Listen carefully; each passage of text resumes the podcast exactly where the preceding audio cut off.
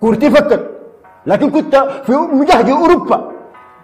لكن جيت البلد الكوره فكت لأن الكوره هنا دافوري. كورة دافوري هنا. أي شيء دافوري.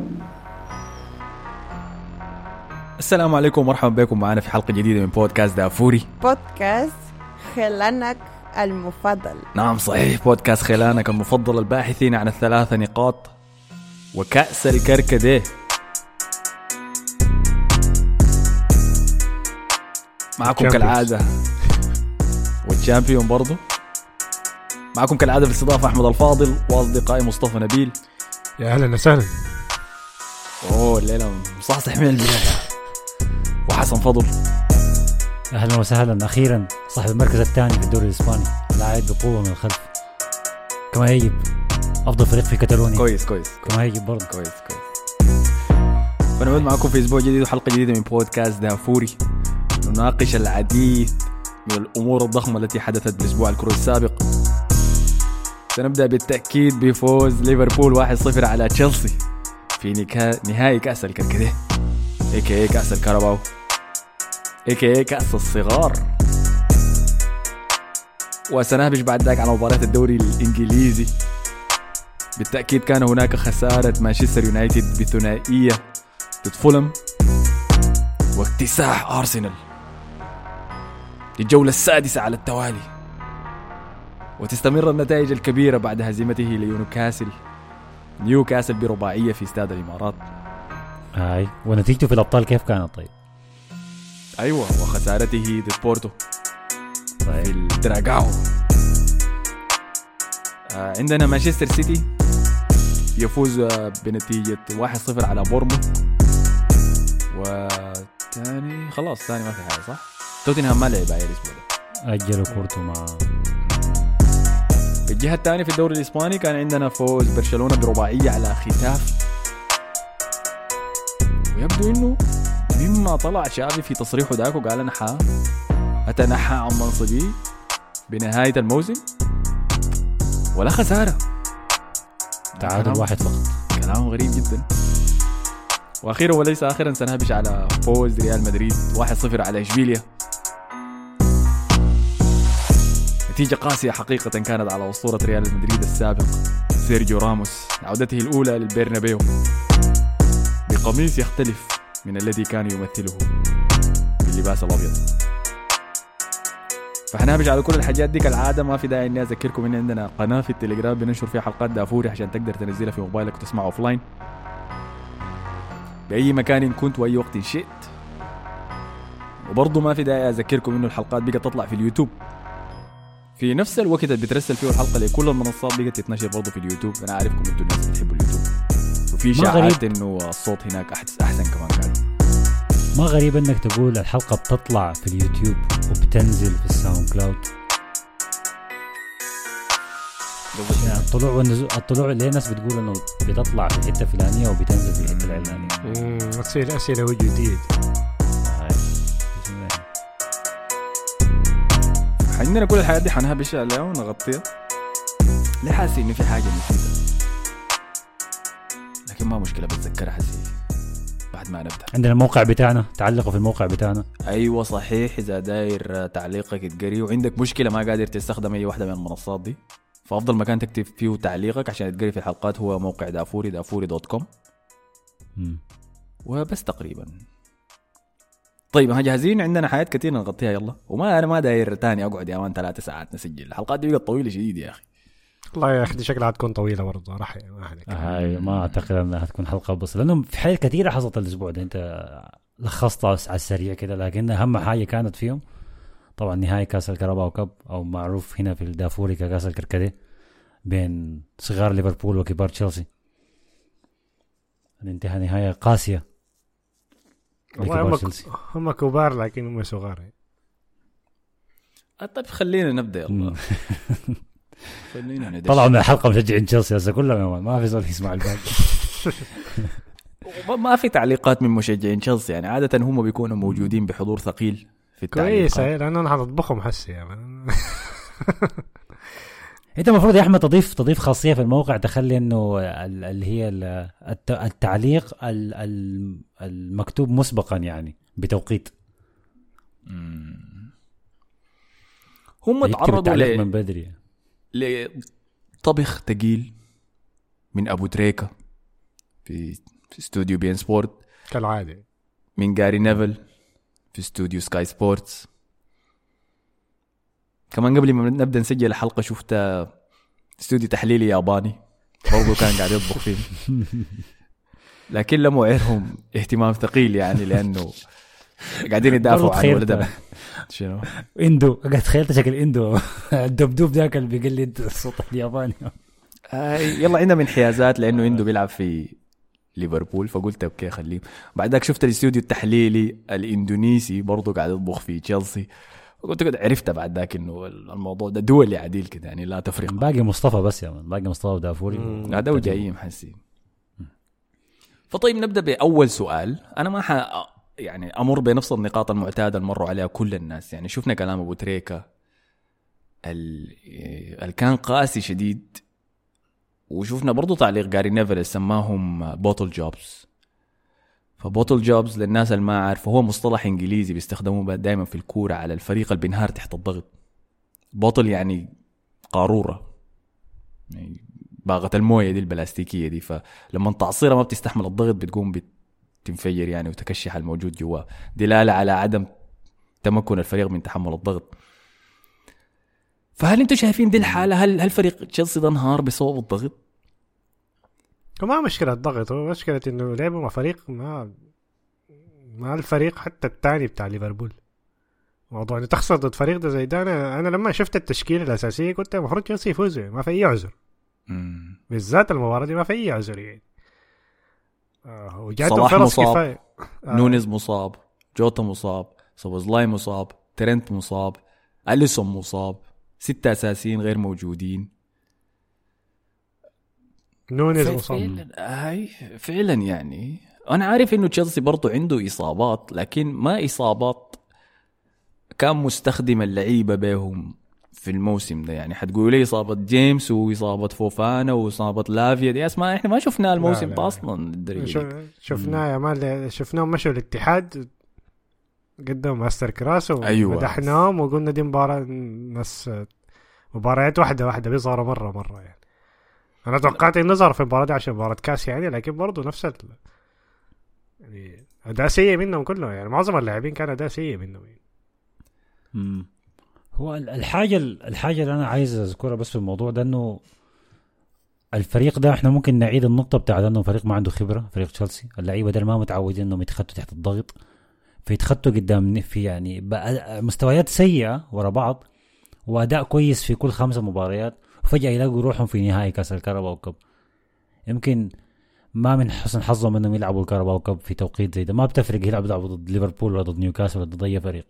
هي بس إنهم لاعبين في نهائي. لو لعبوا مع الرديف بتاع تشيلسي الأساسي بتاع تشيلسي هيخسر. هيبة النهائي والويمبلي وال... والارتباك والحاجات دي كلها. وفي طبعا شفناهم قدروا يوصلوا المرمى كتير يعني. ما كانت مشكلة آه، عدم خلق فرص. انه ما قدروا يعني يوصلوا للمرمى. لا وصلوا المرمى كتير سواء يعني دي بهفوات ليفربول ولا بإبداع لعيبة تشيلسي نفسه. لكن اللمسة الأخيرة افتقدوها.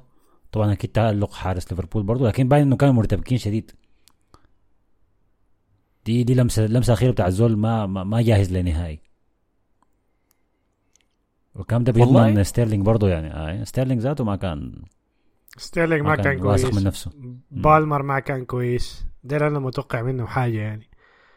بعد كده جالجر عمل العليه لكن طبعا لما يوصل قدام الجول عشان تعبان. ده ما عذر يعني لكن هو طريقة لعبه كده يعني بي- بيجري كتير لحد لما يوصل قدام الجول بيكون خلاص انتهى. انتهى. نيكولاس جاكسون أنا ما أنا غاسل يدي منه أصلا ما أنا شايف جاكسون لعب كويس. يعني قدر يعذب كوناتي. الفرصة الوحيدة اللي لعبها فيها إنزو عمل فيها حاجة رفع من فوق هنا وكان منفرد براه وكوناتي جابه. دي ما أنا ما بعذرها فيه اذا انت اذا انت لعبك أصلا انه تكسر الخطوط يعني ولاعب سريع أنا ما, ما اعرف حتى شوت على الجول ما قدرت في- في اللقطة دي ما قدرت تعملها يعني كوناتي يجي- يجيبك كده يعني شنو ده طب تبص لنا السؤال الثاني اللي هو هل ده كان فشل من بوشيتينو ولا فشل من اللعيبه لأنه بوشيتينو متعرض لطبخ ثقيل برضه. وهناك مطالبات عديدة بإقالته. زمان لما لما لما بوشيتينو يتعين أصلا لتدريب تشيلسي أنا كنت قلت إنه ال- العلاقة دي مريبة أصلا من البداية. مم. خوفي على بوشيتينو كان إنه يصل نهائي ويخسره كما حدث الآن. وقلت إنه أسوأ شيء ممكن يحصل له ويخسر نهائي الك- الكركديه لأنه لحظتها مباشرة حيبدوا يقولوا ده مدرب توتنهام اللي ما بيقدر يفوز في نهائيات. جاي يدربنا. في لمحات ثقيلة بين تدريب بوشيتينو لتشيلسي. لزمان لما جا رافا بينيتيز يجر- يدرب تشيلسي متذكر؟ آه. عانى رافا من نفس الرفض من الجماهير اللي بيعاني منه بوشيتينو حاليا. وبالرغم من محاولات العديدة وكسبه لنهائيات وكؤوس أوروبية برضو يعني فاز معهم باليوروبا ليج متذكر؟ وبعد ده كله ما كان عندنا أي ارتباط به. اللحظة لا. رومان شاته فيها فرحوا كمان احتفلوا هو ما شاته كان عقد بتاع سنة مؤقت بس يعني لحد يعني السنة بعدين ما جددوه اتخرج وكان عمل شغل كويس. أنا متذكر إنه جمهور تشيلسي ما بيحبه يعني لكن كان في نوع من الاحترام يعني. أنت عملت اللي عليك وصلتنا ال top four فوزتنا باليوروبا ليج وتخرجت وبعدين بينيتيز كان عنده تشكيلة أحسن من دي بكثير يعني. بكثير كان عنده ماتا كان عنده إيفانوفيتش كان عنده هازارد. فما طيب, في طيب أنت مقارنة شايف بالتشكيلة. ها شايف بوشيتينو هو الملام ولا اللعيبة أنا ما شايفه هو الم... أنا شايف الناس طبخوه أصلا لأنه هو لما وصلنا الشوط الإضافي الثاني كان مستني كان شاي... كان خطته قال في, في المؤتمر الصحفي إنه نحن عايزين نصل لضربات الجزاء. فالناس استنكروا الحاجة دي انت لاعب و... وح... المفروض أنت تكون جاري للفوز. وكلامه صح المفروض تكون يعني هدفك يكون بعد الشوط الثاني ده المفروض إنه هدفك إنه تفوز خاصة بعد ما الجول اتلغى بتاع فان دايك ما, ما كان المفروض يتلغي ذاك أصلا. فأنا شايف آه، يعني يتحمل اللوم هو برضه أيوه. أنا أنا ما هلومه تكتيكيا لأنه مباراة النهايات دي يعني ما دام وصلت معك لحد الدقيقة 118 ما هقول إنه مدرب تكتيكيا كان كعب. ما دام وصلوا لمرمى ليفربول ما هقول تكتيكيا إنه كان كعب. بس هقول يمكن فريقه بس ما ما قدر يجهز فريقه ذهنيا للنهائي إنه خلصوا الهجمات اللي بتجيكم. دي دي مشكلة كبيرة. حكاية إنه قال داير يلعب على البلنتيات أنا ما بلومه برضه فيها دي لأنه أي مدرب بيصل للشوط الاضافه الثاني بيبدأ يفكر ها يطلع منو من اللعيبة اللي بيشوتوا بلنتيات كويس آه، ما بيشوتوا كويس ويدخل لعيبه بيشوتوا كويس يغير الحارس ولا لا. كل المدربين بيعملوا بحاجة زي دي لما يوصلوا الشوط الإضافي الثاني لأنه فريقين بيكونوا تعبانين شديد يعني ما فيهم حيل ذاته. يعني حكاية إنه هدف يجي في الشوط الإضافي الثاني دي حاجة نادرة شديد أساسا يعني في الكورة عموما. فأنا ما هلومه لكن مرة ثانية لعيبة تشيلسي دي اللعيبة ما عندهم خبرة ان يلعبوا ولا ثقة في نفسهم انه يلعبوا نهائيات أساسا يعني. ف أنا ما مستغرب أنهم خسروا يعني. لكن عندهم لاعب لعب أكبر نهائي. وخسروا. ما خسر خسر شنو يا فاز بيه يا. منو ده؟ أحمد عارفه. يتكلم عن إنزو فرنانديز. آه الله يا الله يا أديك رأيي في الموضوع. هل بوشيتينو الملام؟ أنا ما شايفه الملام. وشايف تحميل خسارة النهائي ده فقط على بوشيتينو ظلم جائر. ما فقط عليه يعني. أكيد تحمل جزء من المسؤولية. ما منكم لكن من الإعلام ومن مشجعين تشيلسي ذاته. لأنه قبل النهائي ده تشيلسي كان خسر خمس نهائيات متتالية في ويمبلي. كم واحد واحد. ليفربول. واحد ضد أرسنال واحد ضد ليستر سيتي والثلاثه كانوا ضد ليفربول. ده, ده الرابع. تم. ثلاثة ولا كم؟ لا اثنين. ده الثالث لا لا ثلاثة والله؟ أي أي. اثنين مع توخيل كان.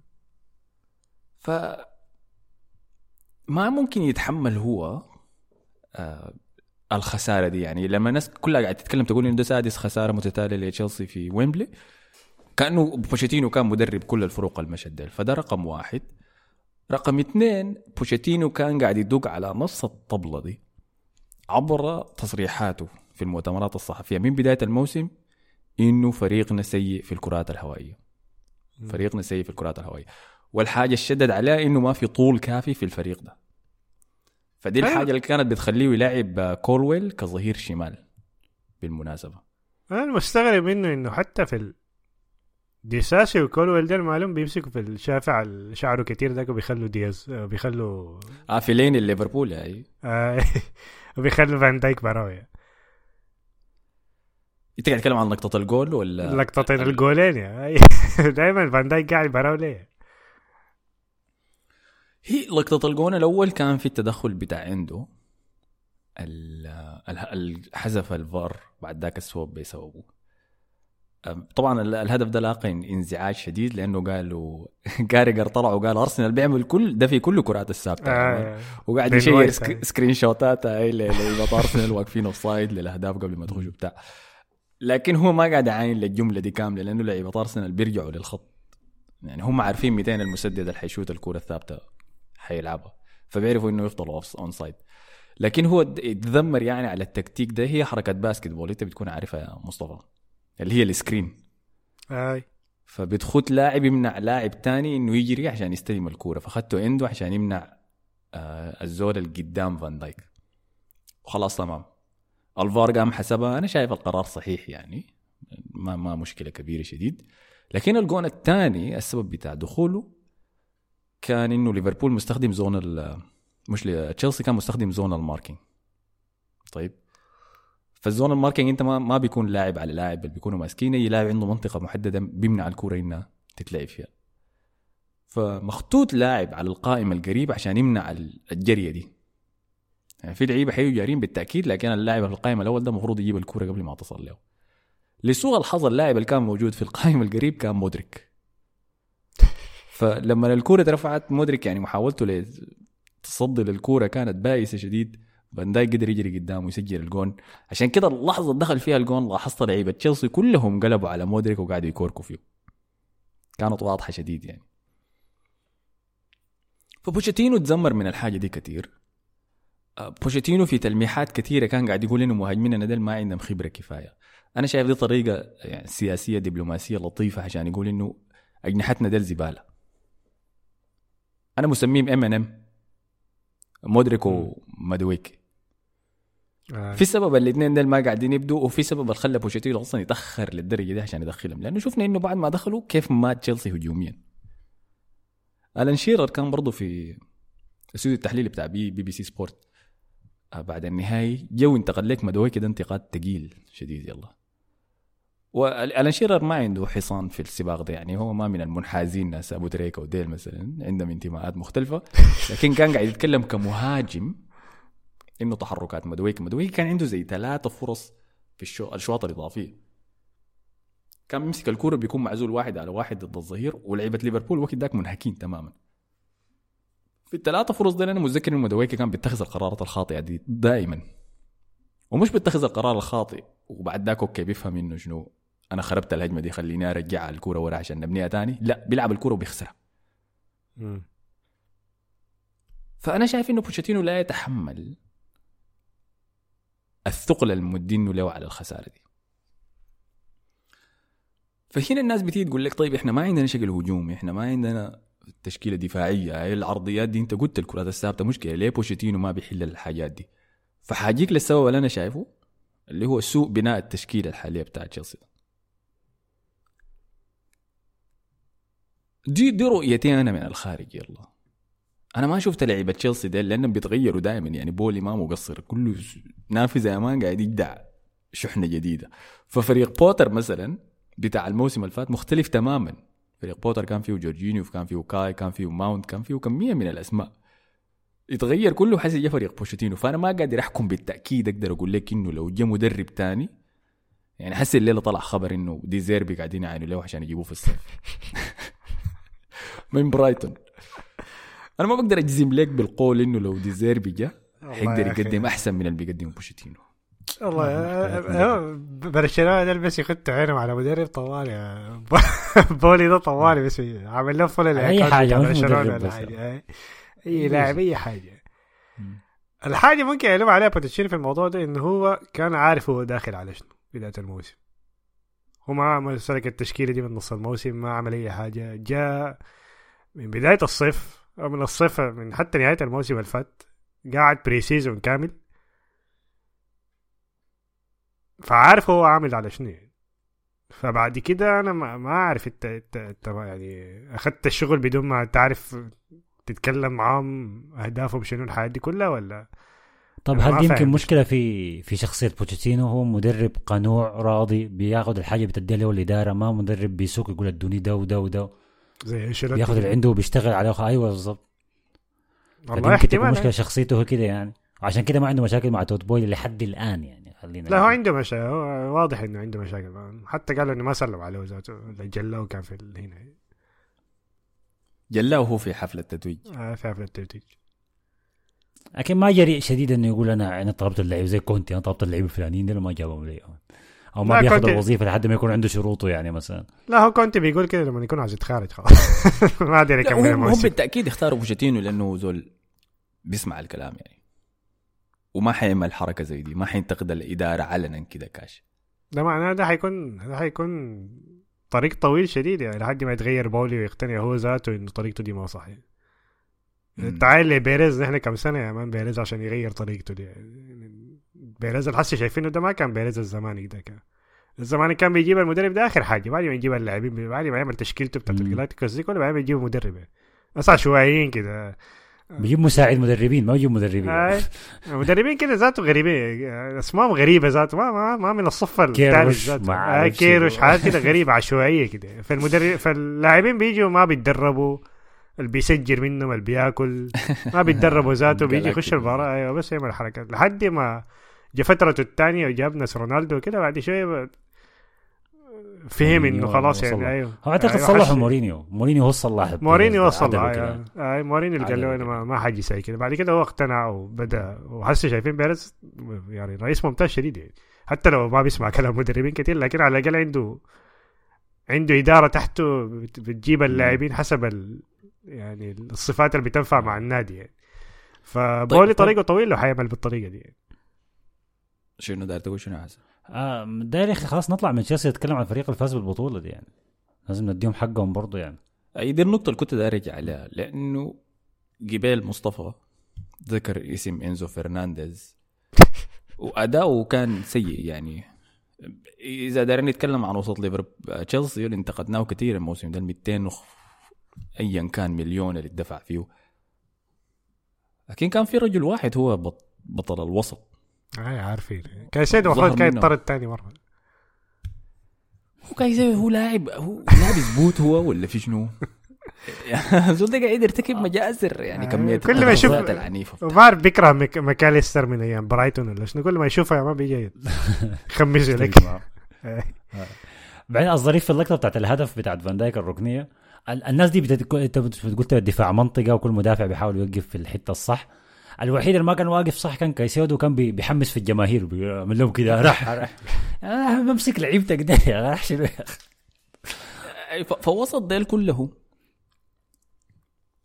الترسانة الزندان في وسط الميدان كان عنده ما إنزو كان عنده أنا ما شفت كايسيدو في النهاية ده. أنا ما شفت إنزو أنا شفت عنده قالك حتقول المثابر يا أخي. مشيت ليفربول المثا... المثابر كان لا لا بأس به يعني لكن الفرص الضيعه برضه كانت قاتلة. عنده كان جبار. يعني متذكر اتطعمجوا في ليفربول مشجعينهم بعد حملة الصيف لما كانوا يتعاقدوا مع كايسيد وكان يتعاقدوا مع لابيا كلهم مشوا تشيلسي بالمناسبة. قام جا عنده. وكلوب قام بعد ذاك جدان وخطبط أنا تكلمت معه وقلت له نحن محتاجينك. إحنا مؤمنين بك اشتراه كده وبعد ذاك وداه لك حتة يا مان زرقوا لك في حتة إحنا ما عارفين ذاته حطوا شنو ما شفناه حكاية أربع شهور أربع شهور ما شفناه أنا قلت يا مان دي حركات كلوب يا مان الكذب الكضات اللي بيفكها دي لكن لا لو كان جد شكله مش دخلوا ليك المعمل نزل لك فيه البرمجة بتاعت أسلوب آه، الكرة الهوائية بتاعته دي. وكان جبار. يعني أنا شفت كمية المساحة الغطاء لأنه ال- الإصابة بتاعت آه، جعفر بخيت AKA جرافنبرغ في وسط الميدان. فعلا جعفر بخيت. اللي حصلت لهم من بداية المباراة خربت لكلوب حساباته كلها بتاعت الوسط. يعني انت أصلا عندك بس ثلاثة بس في الوسط ماكاليستر وإندو وجرافن وعلي جعفر بخيت. فلما ده أصيب اضطر بعد ذاك يشرك كونر الشافع الصغير الظهير قال له يا أخي انت أمشي ألعب لي جناح ودخل جوميز. ورجع يعني فهمتني بس ده لتق الوسط ده كده بيلصق. لحد لما جاءت الدقيقة 75 وماكاليستر كرعينه انتهت خلاص لأنه هو لعب مباراة قبل ثلاثة أيام مع ليفربول. جا قال لي عنده يا مان خلاص شيلها براك بس راح وعنده كان كفءا للمهمة. أنا قلت يا مان عنده مثال وإثبات إنه الياباني اصله ما حيخزلك أصله أصله. ما عدا تومياسو. تومياسو والله كان ما بطل الحركات دي. لكن كان جبار. أنا دائما ال- الف- الفوز الفوز بتاع ليفربول ده يعني أنا أنا مش مفروض اقيف واصفق وارفع القبعه وكل حاجة يعني. لأنه ده ما كان فوز تكتيكيا بتقدر تشرحه. ده كان فوز رجالة بس. دي كرة الرجال دايرينها دي كرة الرجال متجسدة أمامك. ومش كرة رجال كرة أولاد. كرة تشوفها هاي. أي. ما في كلام. ما أعرف ممكن نضيف شنو إحنا على الكلام ده لكن من ناحية آه دافع ممكن برضو دافع. شوف على ليفر- ليفربول دي لأنه كانوا دارين يدوا بطولة لكلوب بحكم إن الدوري منافسه عليه ثقيله السنة دي. فدي كانت بطولة مضمونة في الجيب يعني اللي هي ال Carabao Cup ضد فريق تشيلسي الهزيل جدا يعني. فأدوها لكلوب ودوا الجاي ودوا البطولة دي لكلوب ودي كانت حاجة هم عايزين يعملوها أساسا. ما هزيل ما هزيل. أنت ليه بتقول فريق تشيلسي هزيل؟ هزيله أي. على الورق لو أنت عينت للتشكيلتين 11 ما ضد بقى. 11 اللفظية كانت لتشيلسي. أنا ما بعين على الورقة ما بتفرج الكورة 90 دقيقة الورق ده خليه عندك أنت رجل واقع؟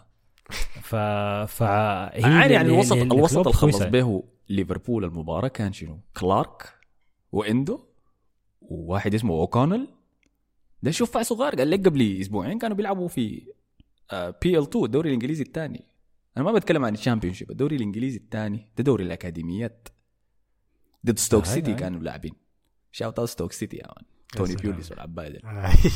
الإرث الكروي هناك. قبل أسبوعين وحسي لاعبين نهائي الكرباو كاب وجابوا الكاس لكلوب. ما يلا ده, ده, ده المقارنة أنا عايز أقارنها بين تشيلسي بوتشيتينو وليفربول كلوب. ديل عندهم دافع دارين يدوا حاجة لمدربهم. بغض النظر هم كانوا بيلعبوا وين الأسبوع اللي فات. كانوا دعامة إن شاء الله ما فارقة. لكن عندهم كلوب عندهم دارين يموتوا عشانه عديل كده. تحمي التيب بتاعهم دارين مستعدين يموتوا عشانه والبيغادي ديلا كمان ما فارق معاهم برهان. كل زول بيلعب لي روحه وخلاص لعيبة تشيلسي ديل. وخوافين قدام الجون. قال لك أنا تعبان جريت الكوره كلها ونيكلاس جاكسون أساسا بطل ذاته يصل قدام الجون. وستيرلينج ما عرف حصل عليه شنو. وكول بالمر بس فالح قدام سيتي بس وكوريك وبرد وما برد ففرق يعني فرق كبير بين الاثنين ده. الروح والعزيمة والثقة في النفس ما موجودة. ما حكاية أسماء. ما موجودة في تشيلسي موجودة في ليفربول. فيستاهل ليفربول. ألف مبروك الفوز يعني. شفت الحركة اللي سواها مانشستر سيتي كمان؟ عمل شنو؟ اللحظة اللي انتهى فيها النهائي كده رسلوا صورة. رفعوا في صورة في تويتر اللي في الفودن قاعد في غرفة جليد كده. قاعد يعمل فيها بردان. برضو. خدتني موج البرد. شكرا مع صغير منكم يا أخي عيب عليكم يا أخي. إندو كان بالنسبة لي بطل وسط الميدان أما بطل المباراة بأكملها فكان بلا منازع. العظيم. كيلر. الماء الماعز. ماعز. كيلر جاي إنه كيلر كان ممتاز.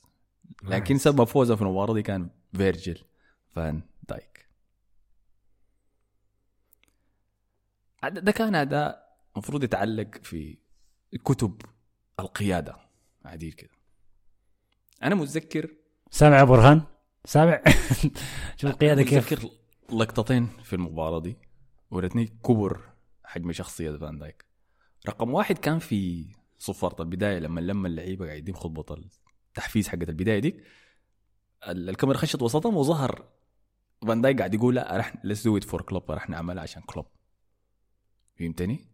فكلامك صح إنه هم كانوا دايرين يجيبوا الكاس ده لكلوب في الجولة الوداعيه رقم واحد. رقم اثنين حصلت الكوارث أثناء المباراة. فرص كثيرة من تشيلسي ضيعوها فرص كثيرة لليفربول ضيعوها. حنمشي extra time وعندهم يتذكر لعبوا مباراة قبل أربع أيام وعندهم مباراة ثانية بعد ثلاثة أيام في ال FA Cup كل اللعيبة الأساسيين مصابين. آه، آه، مباراة مضغوطة. آه، كلو- كلوب قاعد يدخل يشوف بعدين حس يلعبوا معاه وأول لما بدأ واضح إنه خلاص ليفربول عاجز بقى هجوميا نسبة للتبديلات الكثيرة دي بدأوا يعتمدوا على الكرات الثابتة. فأنا متذكر جات كوره ثابتة قام مسك الشفع ديل مسك زي ثلاثة كده من الشفع اللي حوالينه قال لهم تعالوا عينوا غطوني أنا. كويس؟ غطوني أنا. فهو عارف إنه ديل لأنهم صغار قاعدين يتنافسوا ضد ديل يا مان العمالقه ديل ناس ديساسي وكولويل وعباي ديل. لعيبه عندهم عندهم وزنهم وعندهم مبالغ الانتقال الجوبيه هو عارف إنه الصغار ديل ما حيقدروا ينافسوا على مع ديل على الهوا لكن أنا بقدر. فوراهم قال لهم غطوا لي افتحوا لي الطريق أنا حمشي حاجم الكورة دي عشان أحاول أسجل فيها. اللقطه ديك ما سجل فيها. لكن وقت الحسم وقت يحتاجوا الفريق جو سجل الجون بتاع النهاية.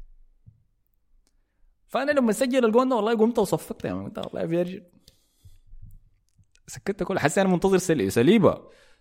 دايرين نهايه في جون في نهاية الأبطال ها منتظرين. أنا على المعايير شديد. أنا داير السلسلة دي داير اللقب ده أحسن مدافع في الدوري الإنجليزي ده دايرينه يا مان ما يمشي زي كده. لكن عظيم طول. انتظارك. عظيم. فانتصار مستحق. عقلية ليفربول كانت رائعة. كيلر كان ممتاز. أنا شايف الحراس الاثنين كانوا ممت- ممتازين. بيتروفيش وكيلر يعني. كان في لقطة كده بتاعت الأربع تسديدات ورا بعض جات سريع ديك على كيلر. آي. مم. عارف أول واحدة كانت إنكوكو. شاتها انكوكو وقعت لبالمر. بالمر شاتها فيه وصدها يا مان. وقعت لجوستو. جوستو شاتها فيه وصدها يا مان. رجعت لانكوكو ثاني شاتها فيه وصدها يا أخي أنا قلت يا أخي عليك الله. ممتازين ممتازين شديد. في في كان تعليق لإسلام الطويقي. قال لسه مش عارف ليه ليفربول لازم يخسر بالشوط الأول في أغلب الماتشات عشان الموسم ده. بعدين يرجع. أظن إنه أعلى فريق في نسبة ال comeback الموسم ده. هل هو تكتيك, تكتيك من يورجن كلوب؟ متابعكم من مصر. لكن ما خسروا الشوط الأول. ده كان هو ده. كان بعد مباراة لوتن. آي. آه أيوه. okay. ع- ع- أديك كمان نقطة ثانية على نقطه العقلية عشان ده رابش على تشيلسي برضو فيها. ليفربول عنده أعلى معدل العودة في النتيجة في تاريخ الدوري الإنجليزي كله. طيب مما يجي يورجن كلوب هو أكثر فريق عاد وهو متأخر في النتيجة. فأنا اللقب اللقب ده يعني السجل القياسي ده عجبني شديد. فمشيت راجعت الارقام عشان أشوف الحاجة دي بدأت من 200 تغيير العقلية ده حصل 200 لأنه ليفربول ما كان كده. الناس المتذكرين إنه من زمن بريندن روجرز. الموسم الجا فيه واللي كلوب ذاته ما كانت كانت حالتها من أسوأ ما يكون. فطلع إنه السجل ده بدا بعد مباراة كان بين ليفربول و QPR كوينز بارك رينجرز ويتعادل فيها ليفربول في النهايه بعد صفارة النهاية ديك ليفربول آه، كلوب مشى لما لعيبته ومشى قال لهم تعالوا نمشي نصفق لل- للمشجعين الجو دعمونا ومشى وعمل الحركة دي وكان في واضح لعيبة موجودين مع واحد منهم كان بنتيكي متذكره ده وقت بنتيكي؟ لا إله إلا الله. كان ممعوط يا man قاعد يعين لكلوب كده نظام شنو؟ نمشي نصفق لهم وإحنا متعادلين. لما بليك كلهم مشوا يصفقوا لل- للمشجعين. المباراه دي لما خلصت جاري نيفل مشى طلع يا man في في سكاي سبورتس وانتقد لك كلوب ده مسح لك به الأرض. ده شنو ده عين عقلية الفريق ده؟ ماشي تصفق وتحتفل عشان تعادل. شوف عشر سنوات لاحقا دوري أبطال ايا كان عدد كوس الكركديه دوري إنجليزي بعد انتصار 30 سنة والعقلية الزرعها اللي بتتجسد في لحظات زي دي لما يجي يشوفوا ذاتهم يساهموا لك يفوزوك ببطولة. عشان كده أنا بلتمس عذر ليشوف تشيلسي. أول نهائي لهم يصلوا له كفريق أول نهائي لهم مع المدرب ده؟ رحلة بدت لها تسعة شهور. الناس مستعجلة لهم شديد إنه يقطفوا الثمار من حسي.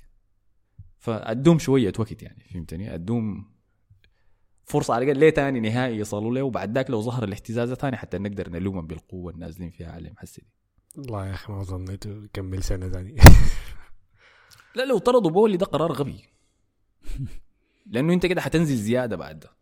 أديك النقطة الأخيرة الدار دافع فيها عن بوشيتينو. طيب. في تاريخ الدوري الإنجليزي في سبعة مدربين بس سبعة مدربين فقط قدروا يجيبوا أكثر من 85 نقطة. طيب. أنا حديك أساميهم السبعة وحتلاحظ حتلاحظ إنه في قاسم مشترك بينهم. طيب. رقم واحد السير أليكس فيرجسون. رقم اثنين أرسن فينجر رقم ثلاثة جوزي مورينيو. رقم أربعة جوارديولا. أنطونيو كونتي رقم خمسة جوارديولا رقم ستة كلوب. يورجن كلوب رقم سبعة منه آه ماوريسيو بوشيتينو. ارتيتا ما جاب 85 نقطة.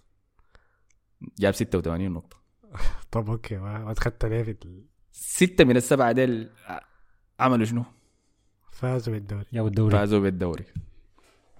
فإذا كلو إذا اسمه بولي فعلا داير مدرب بيعرف يصل لي عدد النقاط المطلوب. ما هو الكلام اللي قاعد يطلع من إعلام تشيلسي إنه دايرين يبنوا فريق يجيب 100 نقطة. زي اللي عملوا فريق السيتي داك فأنت عندك مدرب عنده الوصفة بيعرف يعمل الحاجة دي. ثق فيه بس اديه الحاجة اللي هو دايرها مش تمشي تغامر مع زول تاني زي ما حاولت تتعامل مع بوتر. يعني توخل ذاته في الموسمين اللي قدمهم أصلا ما قرب من الرقم ده. أعلى عدد نقاط وصل له كان كم؟ 76 75 حاجة زي دي.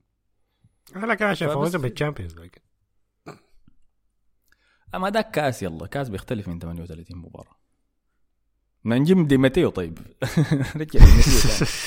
أي حاجة وخلاص هاي كان يا أخي كان في كان في اقتراح ما أعرف طلع بشكل رسمي ولا لا في ال... فاعتقد من مدربي الدوري الإنجليزي أنه أنه آه، الانتقالات المدربين تبقى زي انتقالات اللاعبين تكون بس في ال... في النافذة ال- نافذة الانتقالات الصيفية والشتوية. طبعا ما أعرف هل قدم الطلب ده إنه غالبا بوتشيتينو زاد عشان ما يقيلوا هسه دي. فما تعرف الحكاية دي هتاخدوها بشكل لا جادي دي ياخدوها لا لا بشكل دي, جادي ولا دي, دي, دي. دي ده حاجة. سخف ساية. هي كويسة للمدربين أيوه. عشان تديه أنت موسم كامل لكن هتقتل كده المتعه بتاعت المدربين اللي بيجوا بيقلبوا هنا دي. ناس تاكل حي- حيضيعوا رزق ناس شون دايش بيجي نص الموسم يقلبوا الموسم كامل إيه، ما برضه فيها لكن والله بالمناسبة خففوا لهم العقوبة حقتهم يا أخي. هسه بيقول كم يا أخي؟ بعد ما عندهم أربع نقاط. لسه ما تغير ترتيب الجدول. لكن نقصوا. قالوا من 10 نقاط يعني 10 حنخليها بقى لكم ستة. ستة خلاص. عندهم أربع دي نقاط. جرعة بتاعت حياة ثانية الفكرة بتاعت انه الفكرة بتاعت عدم إقالة المدربين أو تحركهم أثناء الموسم إلا في الانتقالات كويسه لأنه بتدي نوع من الاستقرار للمدربين يعني بالذات التهور بتاع الأندية زي ناس آه، تشيلسي ديل و وعندها QPR كان زمان برضه غير مدربين وكتار شديد يعني من غير اي سبب لكن حت ناس عندها قروش. لكن هتخرب كده حماس كده غريبة يعني تاني ما حشوف توخل يجي نص الموسم يفوز بدوري الابطال هذه كلها أحسن يا أخي ما دايرين ما دايرين نشوفه يا نخلص من الحكاية دي. طيب ماهر السير قال ردمنا لكم لوتون تاون 4 1 وقلبنا تشيلسي بيشوفعنا ومصدرين وبعد ده خدتينا برا ال top 6 يا أحمد إلا نقلب بالفريق النسائي ولا كيف؟ كان بداية الموسم يا أخي. شغال عكسه أنا دي بالغت فيها يا ماهر. وعبر الموسم ده أنا كنت بقول إنه ليفربول أداءاته الأهداف اللي بيتلقاها بتحسسني إنه ده ما فريق بيقدر يفوز بالدوري. لكن عادي إحنا هسه في الجولة 26 وإنتوا لازلتوا في الصدارة. وفزتوا بكاس فإذا في فريق سكتني يعني الموسم ده هو ليفربول بالتأكيد. أنا مبسوط شديد. وبعد الأداء شفته بيكم يعني بعد الروح واداء الصغار ده كمان ما حزعل إذا أنتوا اللي فزتوا بالدوري بالعكس يمكن أفرح كده زيادة. أفضل أنتوا ولا ولا السيتي؟ مستحق كده. بالتأكيد. المباراة الجاية ضد السيتي. في الدوري يعني. لا لا يا أخي لسه يا أخي. لسه عندنا مباراة في ال آه في Cup ده ما شغال يعني. ال FA Cup وبعد ذاك عندنا ضد نوتنغهام فورست. آه، حتى okay. بعد ذاك السيتي حيجوا أنفيلد فبس تقريبا دي كانت كل التعليقات عن ليفربول صح؟ في شيء تاني نسيناه من المباراة دي؟ كان في الصورة آخر م- مفارقة كده ظريفة لما خلص ال- المباراة والتتويج خلصوا بتاع أول زول رفع الكاس كان كلوب طبعا بعد ذاك اداه للكابتن فان دايك عشان يرفعه كما يجب بعد ذاك قاموا أدوا للصغار دخلوا دول كلهم مع بعض عشان يتصوروا معه. صورة رائعة أيقونية. حتتشال وتتعلق هناك في أكاديمية ليفربول عشان تكون إلهام لكل اللعيبة القادمين الجايين. الشيء المحزن تشيلسي كان عنده صورة زي دي. بصغار كوبام. وما كانوا شايلين كأس الكاراباو كانوا شايلين ال Champions League. تشيلسي في موسم 2018 2017 كان عنده فريق طالع من كوبام أوروبا كلها بتتكلم عنه.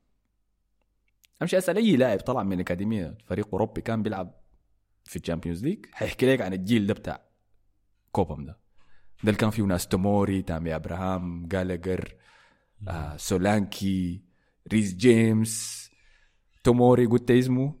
آه. ماونت. أوزان ماونت هاي. اوزان تك كالم هاتسون الدوي كان رعب.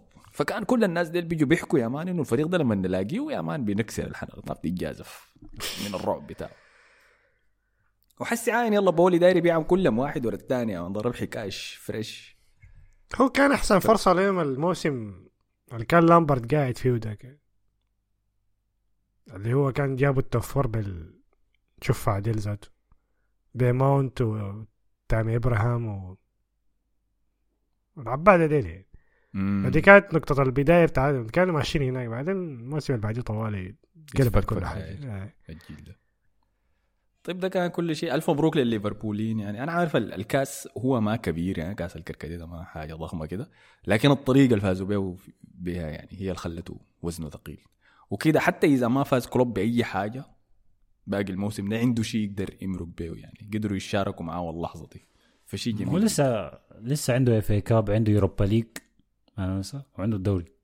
فهو منافس على كل الحاجات الباقية. رباعية. رباعية رخيصه ضعفاء دي الرخيصة دي. طيب معلومة صح قال تشيلسي أحسن يبيعوا لاعبينه ديل ويشتروا كركديه ويشربوا لأنه دمنا اتحرق منه. طيب خلينا نواصل ونمشي ل مانشستر يونايتد يلا. نمشي من من يا طرف. الحمام ده آه نمشي من ده شنو غربي إنجلترا أقصى الغرب ونمشي شوية كده عشان نمشي لمانشستر. وخسارتهم في أولد ترافورد بثنائية ضد فولم. آه كان مباراة عجيبة حقيقة. مم. آه مفتوحة جدا. أكثر من اللازم يعني. أكثر من اللازم. فولم كان 17 تسديدة. أي فوز مستحق صراحة لفولام ما في أي صنعوا كمية بتاعت فرص كثيرة شديد يعني ما, ما في أي عذر يعني. آه. آه، ايوبي كان عنده أكثر من فرصة يعني كان ممكن يسجل هاتريك. كان super hat-trick كمان.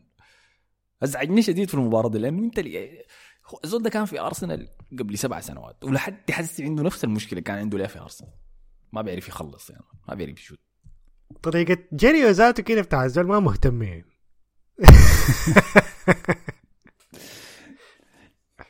لكن اداء ممتاز منهم يعني ال- ال- المهاجم بتاع فولم ده اسمه منو؟ آه ريكاردو مونيز صح؟ ده مجنون كان يعني ده كان عامل رعب ل ليندولوف وماجواير. كان مسبب مشاكل ثقيله بيناتهم آه بيريرا قدم مباراة كويسة شديد. مانشستر يونايتد كان ما منظم. وده ماشي جديد يلا. أنا شفت إحصائية إنه يونايتد في آخر خمسة مباريات تلقى 100 تسديده على هدفه. لا اله 100 تسديده على هدفه. ونانا كان شغال شغل ثقيل في المباراة دي يعني. إذا في مباراة ما بقدر اتقد فيها ونانا كانت دي بسبب التصديات اللي كان قاعد يعمل فيها. فعندنا مشكلة حقيقية في التحكم في المباريات. يعني بنشوف كورنرات حقت مانشستر يونايتد بتنتهي بتسديدة لفولم. أنت فاهمني؟ يعني برونو بيمشي بيرفع الكورة في صندوق. فولم بتنتهي بتسديدة في- على مانشستر يونايتد. بالكلام عن. بالكلام عن برونو برونو كان كعب شديد في المباراة دي. ما كان كويس ابدا صراحة. وفي عدم التنظيم ده ذاته بيظهر في الجول الثاني بتاع فولهام لما مجواير طالع لحد خط التماس عاوز يقطع الكورة من كرة على النار داك اسمه شنو بتاع برشلونة داك اسمه شنو ذاته؟ نسيت اسمه. الظهير بتاعكم أولينيو؟ داك لا لا بتاع الزيت داك تراوري. لا أدام آه، تراوري. طبخ ليك يا man مجوار طبخة سريعة كده. ما دخلوا تبديل مجنون عديل ذاته من سيلفا. ما دخلوا لك دقيقه حاجة وت- 80 آخر 10 دقائق طبخ لك مجوار مجوار طلع لحد هناك ما أعرف ليه ذاته. طبخوا لك بعدين وصل لحد ايوبي ركنها في الجول. الجرية غريبة بتاع ادام تراوري لأنه ما يعني ما هو جاري أسرع من الكوره هو بيجري الكوره بتمشي وراه بيجيبها تاني معاه كده تاني بيجري تاني الكوره بيتخ بكراعه اليمين على الشمال. حاجة عشوائية كده لكن باصاه صح في النهاية وانتهت كويس. ده ال finish الوحيد الكويس لايوبي في المباراة دي كلها. عشان يسجل الهدف الثاني هاي. قلت لك يونايتد المباريات اللي فاتت كان قاعد يقدر يسرق فوز. يعني ما بتحضر المباراة بتقول يا أخي المباراة دي كان مريحة ليونايتد. لا دائما رعب. حتى مباراة لوتن يعني كميه الضغط اللي خدتها فيهم. آه، ف... فنتيجة مقلقة. المشكلة إنه مباراتهم الجايه عارفين ضد منو؟ سيتي.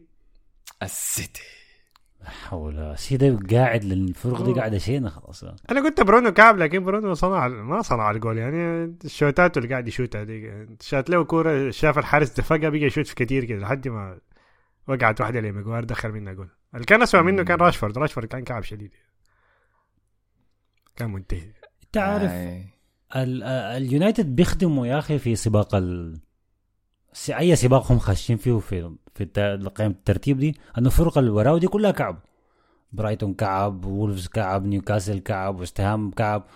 فلحد هسه في المركز السادس بعد الجوطة دي كلها يعني هم طلعوا من العاشر مشوا السادس وهسه مرتاحين. يعني بعد خسارتهم دي فرق خمسة نقاط من من برايتون. دي الخمسة انتصارات ف- ورا بعض دي زحتهم من العاشر. سمع من اللاقيين حقهم يخسروا زي ما هم عايزين يخسروا من السيتي ما قضية كبيرة يعني ما قاعدين في نفس حتته.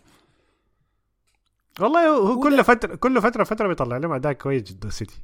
لكن ده كان مع طيب الذكر يا أخي سولشاير يا أخي. بيجي يكرفس لك جوارديولا كده بهجمة مرتدة سريعة سريعة كده. صعبة المرة دي. آه، ده طيب خلينا نمشي على على مباراة السيتي.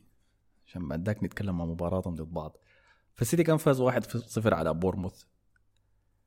آه ما كان أداء كويس يعني ما حقيقة كان منهم. كمان محظوظين إنه طلعوا مم. آي. آه، جوارديولا طلع واخد اللوم على الحاجة دي قال لأنه لعبنا مباريات كثيره شديد. وما تنسوا إنه كنا في السعودية وفزنا بعالم الأندية. أوكي. وسجل لهم الهدف في المباراة دي طبعا كان فيل فودن. عشان يمنحهم ثلاثة نقاط غالية يعني. كرة مرتدة راجعة من من ها- هالاند ورجعت لفودن قدام الجون مرزق يعني. المضحك المضحك في المباراة دي إنه طبعا هو ما لعب جور... آه، دي بروين لحد آخر 10 دقائق لأنه لسه شكله لسه ما ما جاهز خالص يعني. فدخل على حسب قوله يعني أحسن واحد من أحسن لاعبين الوسط نونز. دخل في المباراة دي. فنونيز ما أعرف أظن حاول يطبخ له ثلاثة كده في منطقة جزاء السيتي فاتقطعت منه الكورة. جوارديولا سبله. آه تهبل ولا شنو؟ إيش سحبوا لك؟ طوالي اتخانق تاني ما أقدر اشوفك. رمى له رمى ما أعرف دخل منو ما أعرف ما متذكر. دخل دوكو أيوه دخل دوكو. والله دوكو في كلام بيقولوا في شكل برضه بين بين ستونز ستونز وبيب جوارديولا. في اشتبكوا مع بعض. أنا دوكو ضحكني أول لمسة أول ما دخل بدل نونس أول لمسة الكورة جاته كده ثبتها تثبيت ممتاز. شيء جا, جا ما اعرف دي بروين ولا سيلفا جاي جنبه يعني. خلاص أيوه حيباصي له الكورة. سحب الكورة يا man بقى عايز يعدي الاثنين اللي قدامه. دقيقة يا خليني يا أخي نزل الصحن. طوالي رفع علي ضغطي. أنت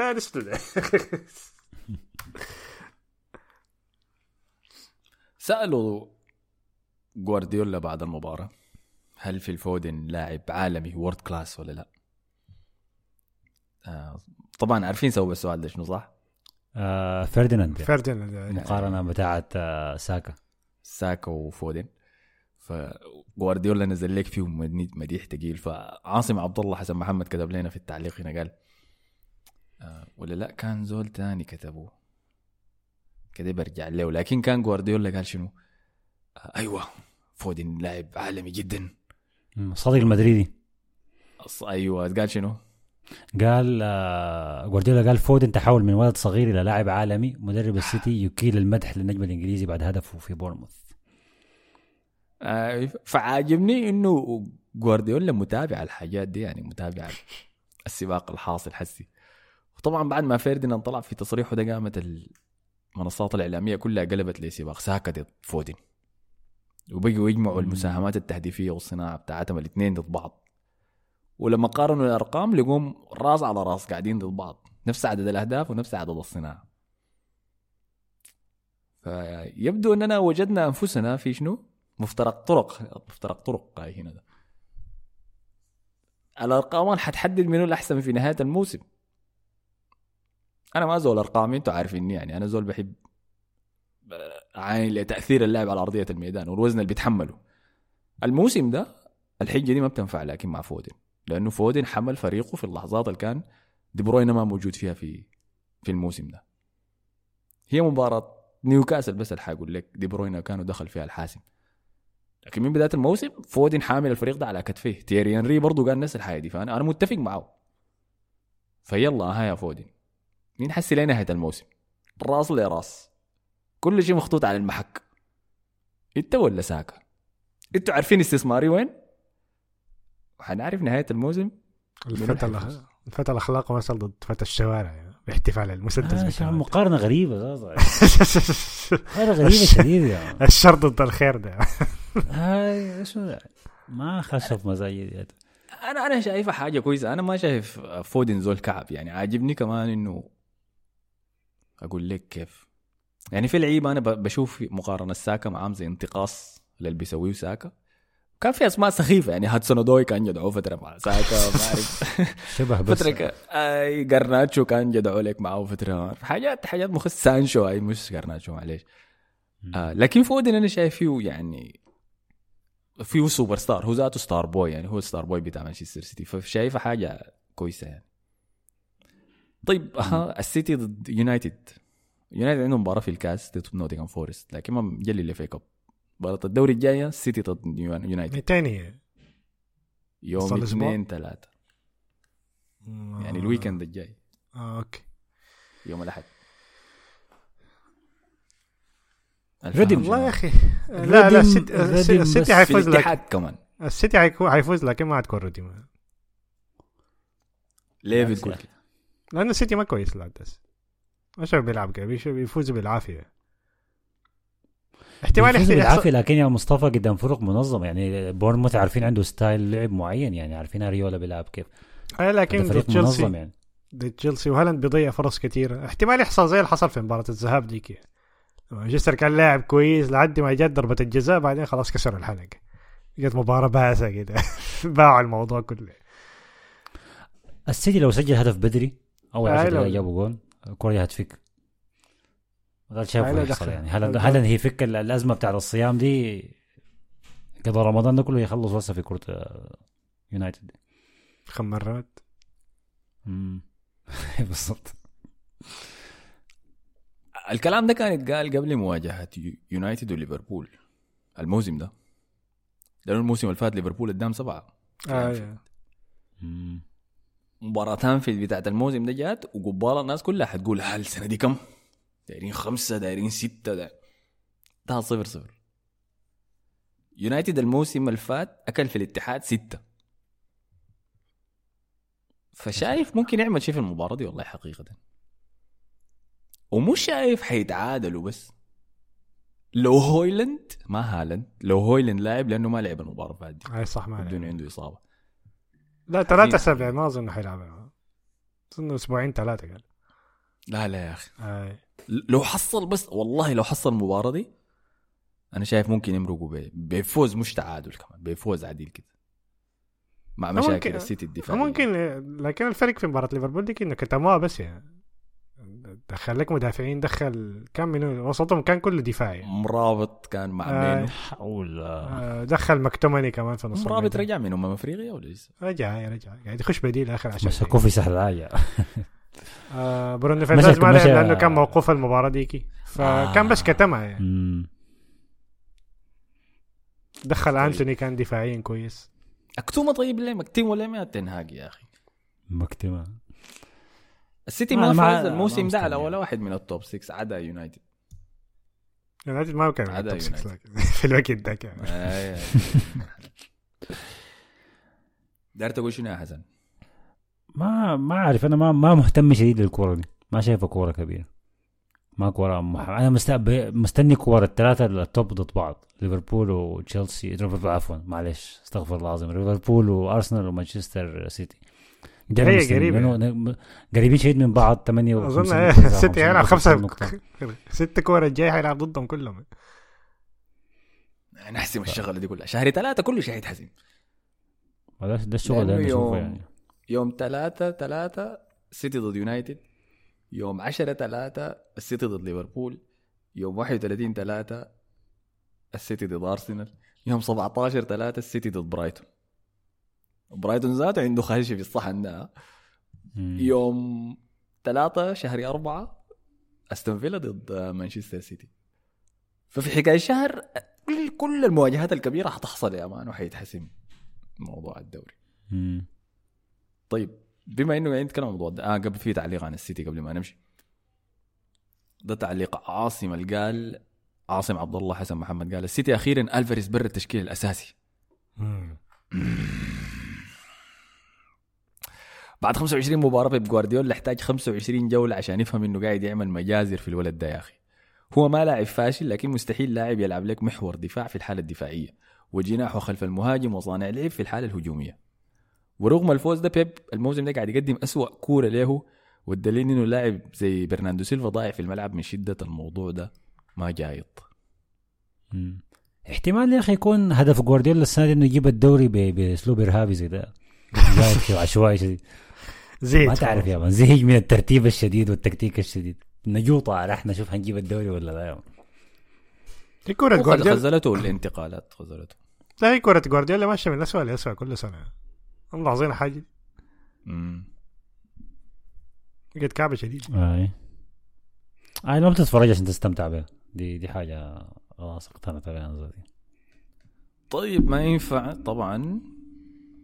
نتكلم عن سباق الصدارة بدون أن نهبش على فوز أرسنال برباعية على نيوكاسل يا أخي. هي ده التوقع اللي أنا كان المفروض أقوله. لأنه نيو- ويست هام ستة بيرنلي خمسة فلازم تجي هسه وجهد لنيوكاسل. أربعة ثلاثة اثنين.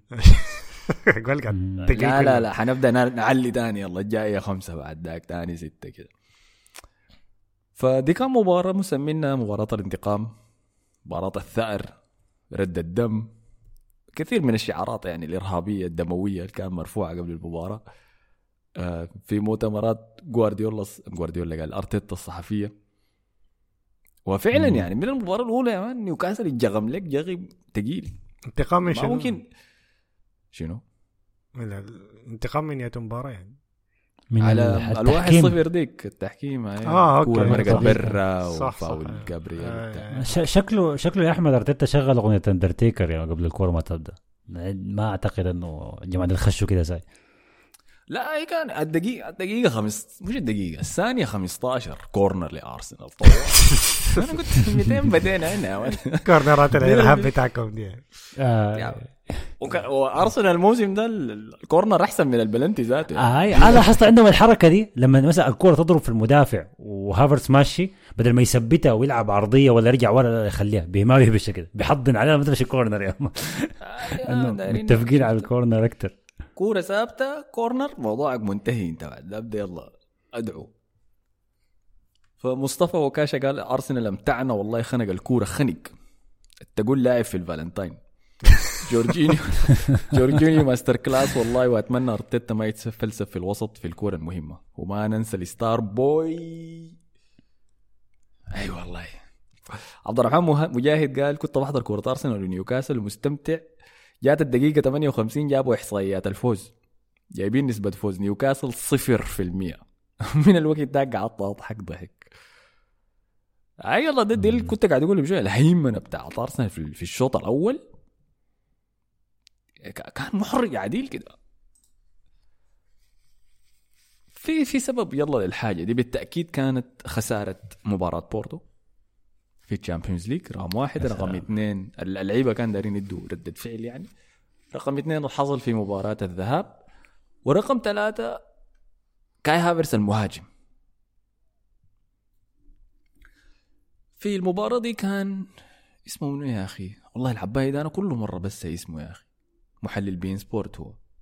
سعودي. كان قاعد مع ياسر كان قاعد مع ابو القحطاني؟ تريكة قحطاني؟ أيوه القحطاني أي. كان قاعد مع أبو تريكة في الاستوديو التحليلي. فقام يعني لمس النقطة دي وصراحه دي أول معلومة مفيدة يقولها يعني القحطاني. قال إنه آه، أرسنال فريق بيحب يبني الكورة من الخلف كثير من كرات الحارس التسديدات الكرة الثابتة بتاعت الحارس. لكن في المباراة دي ولا مرة بنى هجمة في الشوط الأول من الحارس بباصات قصيرة. كان كلها يا مان وين؟ هافرس قدام بس. وهافرتس كان ممتاز. ده كان أفضل أداء لكاي هافرتس بقميص أرسنال. يعني بنتكلم عن الشوط الأول نتكلم عن لاعب عارف داير يسوي شنو في أرضية الميدان كان كاي هافرتس بينزل الكرة من فوق ثنائيات ضغط يصنع لأصدقائه وترجم يلا الحاجة دي بعد ذاك بالهدف الثاني سجله. بعد ما افتتحنا الجون الأول طبعا ب corner كما يجب. كما. لابد يعني هاي. جابرييل كالعادة مضمون. آه فكان أداء ممتاز جدا منه. ويبدو إنه دي خلاص الفورمولا السحرية يعني. كان كلام مصطفى عكاشة ده لما قال أرتيتا ما يتفلسف في الوسط في الكورة المهمة يا هادي جورجينيو أيوة. مع الرايس في الوسط. التكتيك اللي بتلعب. التكتيك اللي بتلعب ضد ليفربول. أي فريق بيضغط عالي ضغط مكثف عالي كده بس تلعبها فوق الدفاع كله. مارتينيلي كان كويس. كان كويس كان مجنون. كان مجنون. آه رفع story آه story قال قال رفع صورة بعد المباراة كتب خدت فيها صورة له هو وهافرتس. وقال نحن فيها مع بعض. وريني انت قادر أنا قلت آه يعني أنا مرغم مع العباية ده الموسم ده لكن أنا معاه يعني. في الجهة الشمال. بس كان بيكرهوا لأنه- بعض بداية الموسم؟ آي آي. كان ما في تناغم بيناتهم.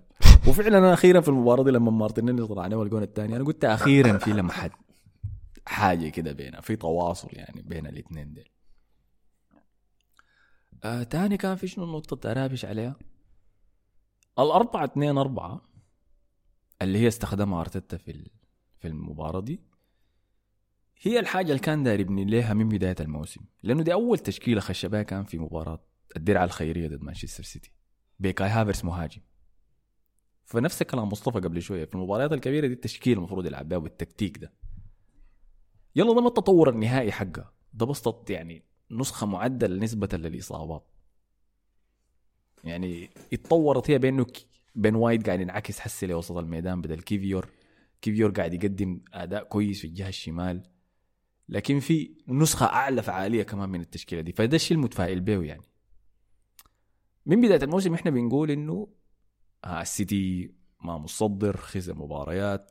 رودري رودري لما يطرد هيجي نهاية الموسم والسيتي حيخش في الفورمة بتاعت 15 فوز متتالي ديك ويلا ويكتسح الدوري. يلا في قدامكم في فريق بدأ الفورمة دي وبدأ السلسلة بتاعت الانتصارات دي. إذا أرسنال وصل لمباراة مانشستر سيتي اللي قلت لكم يوم 31 3 دي بفوز بس ما. ما تعادل ولا خسر ولا مباراة. أنا شايف ممكن يفوز بالدوري. ما في ثقة في. كلامك ذاته لا أنا ما من بدايه الموسم قلت إنه أرسنال حيفوز بالدوري وحتى لما خسر متذكر فوق ضد فولم وويست هام أنا كنت ما زلت على كلامي آه آه آه. عندي مذكره له لكن دي دي ال- الأوقات اللي بتجسد فيها خلاص يعني بتبدأ تشوف الحياة دي قدامك وهل ال- ال- الكلام اللي أنت بتقوله ده يعني بيستمر بفوز لحد الكورة ديك الكلام ده بيشمل دوري الأبطال برضه ولا الدوري بس؟ يعني أدائكم في الأبطال هل يفرق مع مسيرتكم أنا ما؟ شفت الكورة بتاعتكم دي لين قالوا أنتوا ما شفتوا ولا كورة على الجول ما شاتوا ولا كورة على الجون آه، و- وبورتو ذاته ما شات ولا كورة على الجون دي أول كورة شاتها هي كورة الجون بالمناسبه يعني شديد يعني المباراة كلها كان هبشني اقع طوالي وفاول وكده آه. آه، المباراة كعبة كلها كعبة. منها ما في 59 دقيقة ولا ما في آه. 58 دقيقة ده الارث الكروي بتاع اللاتينيين يعني اسبانيا والبرتغال. أهلا بك يا مان. آه، منور يا أنا المباراة دي يلا خلينا نهبش عليها يلا. ولا دقيقة خلينا نتم تعليقات طيب عشان بعد ذاك نهبش عليها. آه، كيد ويست قال جورجينيو ورايس ثنائية قوية قطعوا الشبكة من نيوكاسل. مبسوط لأولك ولدنا. آه نسيت أهبش طبعا. خش بديل صح؟ ما كان ما كان لاعب أساسي. هاي له سبع شهور ما لعب. يا ساتر. سبع شهور. جات مباراة أرسنال جا نزل يا man. 14 دقيقة سجل جون طوالي. أنا كنت داري ال clean sheet والله فزعلت لما دخل الجون لكن لما شفت لقيتها مع رايا ما انت ولا شنو لما عينت كده. لقيت دوي لك جاب الجون قلت يا ساتر يا أخي. قلبي قلبي الصغير لا يحتمل. لكن فرحان ليه والله. ساكا مشى له بعد المباراة قال له يا أخي أنت لازم تسجل يا أخي ما ممكن. ف shout out لك يا أخي. فقام قال آه، كيد ويست يستمر وقال احتمال قاعدين نبقى زي ريال مدريد حبة حبة. يجوا لعيبتنا يجيبوا علينا أهداف. باقي ال 14 أبطال. أربعة واحد مع الشفقة كما يجب. وأمير بابكر قال يا أخواننا نحن دفعنا 12 مليون في جورجينيو. والله العظيم بتاع تشيلسي دي بضاعة تشيلسي دي حلوة. ادونا الولد المثابر كارجر كمان. جرجير كتب جرجير وتاني قال أحمد الكلام ده ليك أنت بالذات وشايفك عملت رايح لما رسلت لك وقلت لك كيفيور بيمسي عليك. وأحب أقول لك حريقة في زينشينكو. معلومة بسيطة كيفيور هدف واحد وأنتوني وماونت صفر أهداف. آه يا جماعة. أمير لو فتحت المعجم زي معجم الصحاح مثلا ومشيت فتشت لمصطلح سجين اللحظة حتلقى صورتك قاعدة فيه. شفتها؟ حتلقى سجين اللحظة؟ هذا لو أمير بابكر يعني صورتك حتكون فيه والصادق المدريدي قال آه هاي كتب آه، نعم. التعليق اللي انت قلته. يلا الكوره بتاعت بورتو. أنا طبعا ما تبعت الكوره لأنه كان برشلونة لاعب وكده.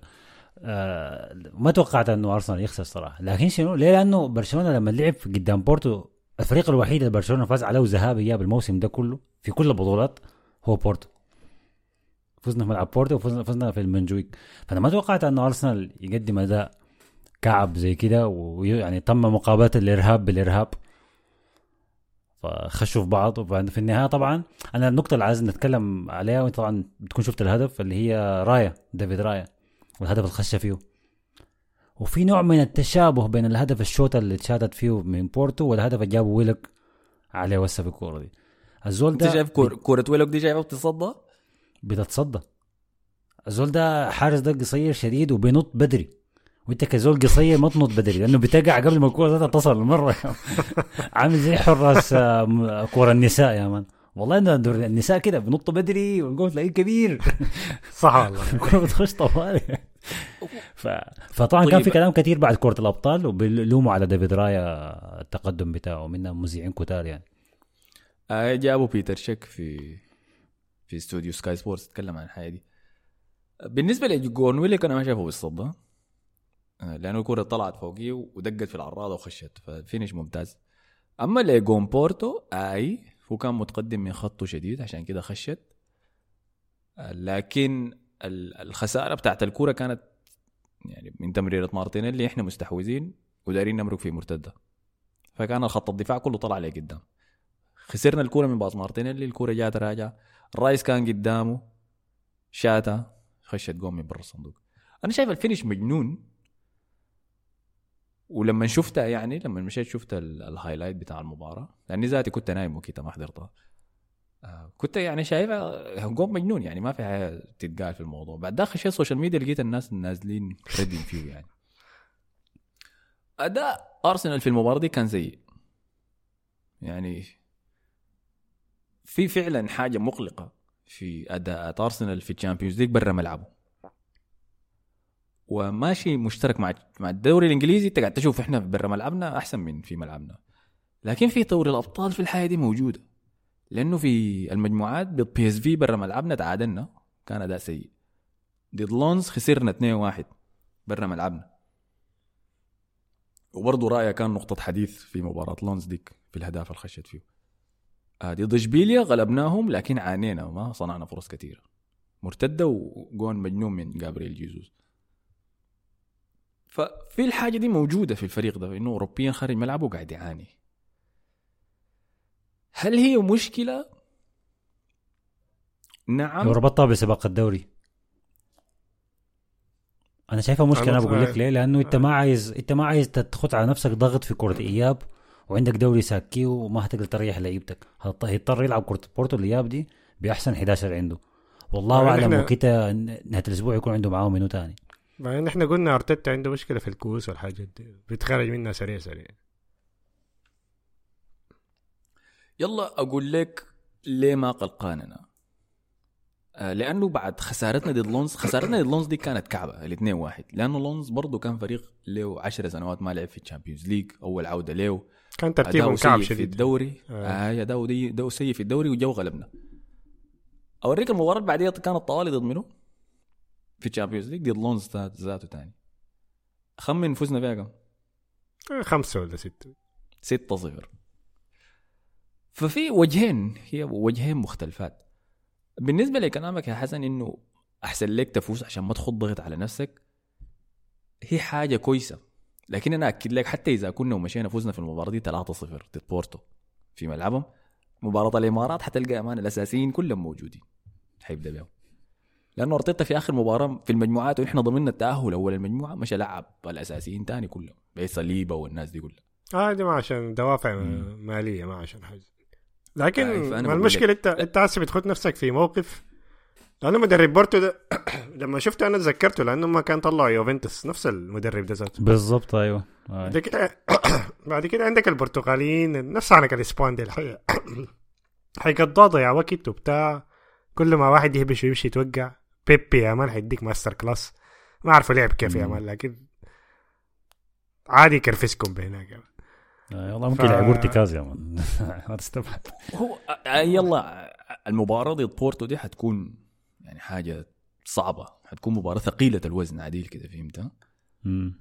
لكن أنا أفضل ده ولا إنه نكون برا ال Champions League تماما آه لأنه حسي مثلا ردة الفعل بتاعت مباراة آه، بورتو كانت في مباراة نيوكاسل دي.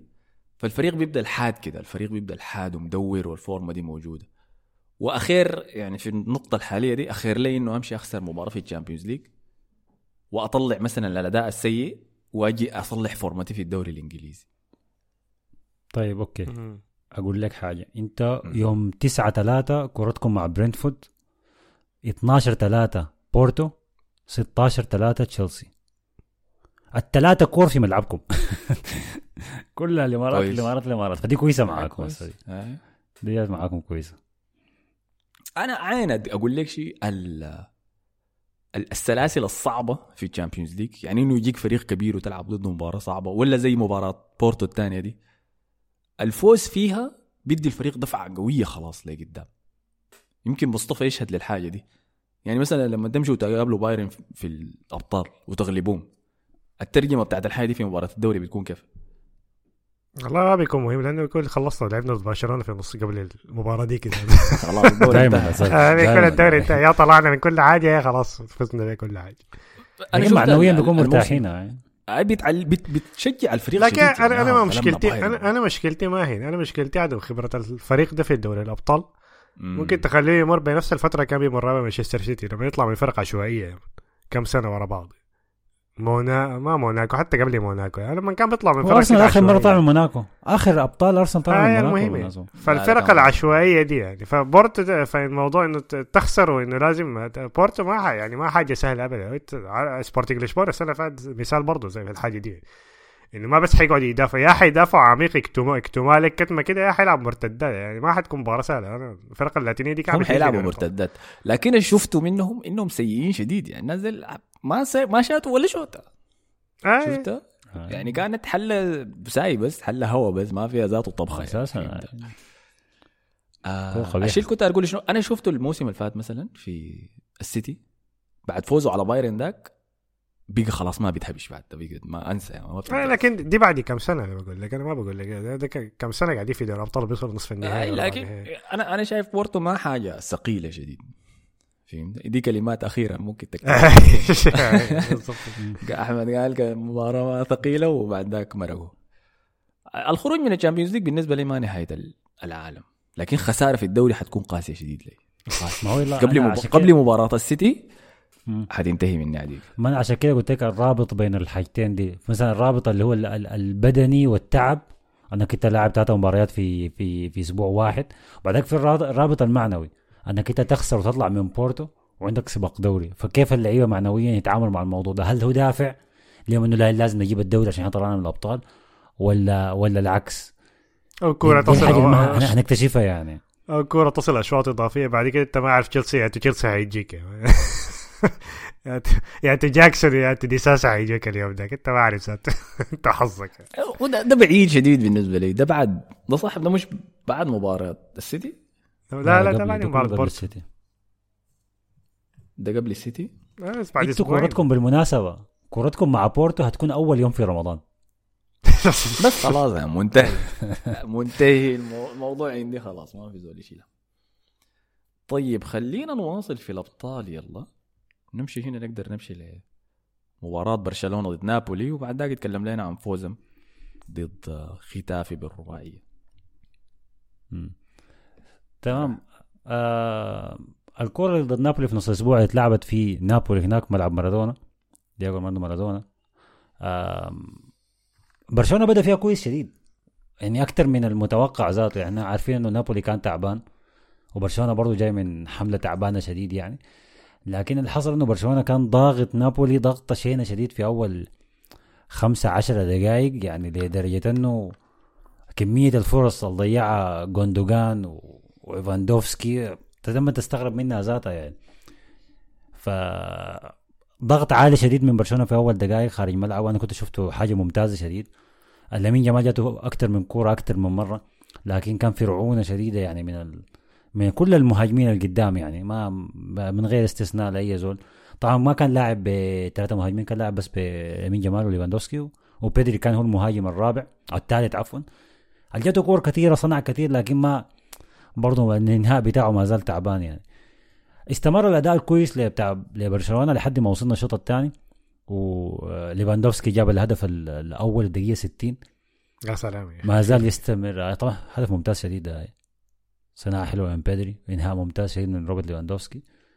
ما زال يستمر في الأداءات الممتازة مما تشافي قال يمرق.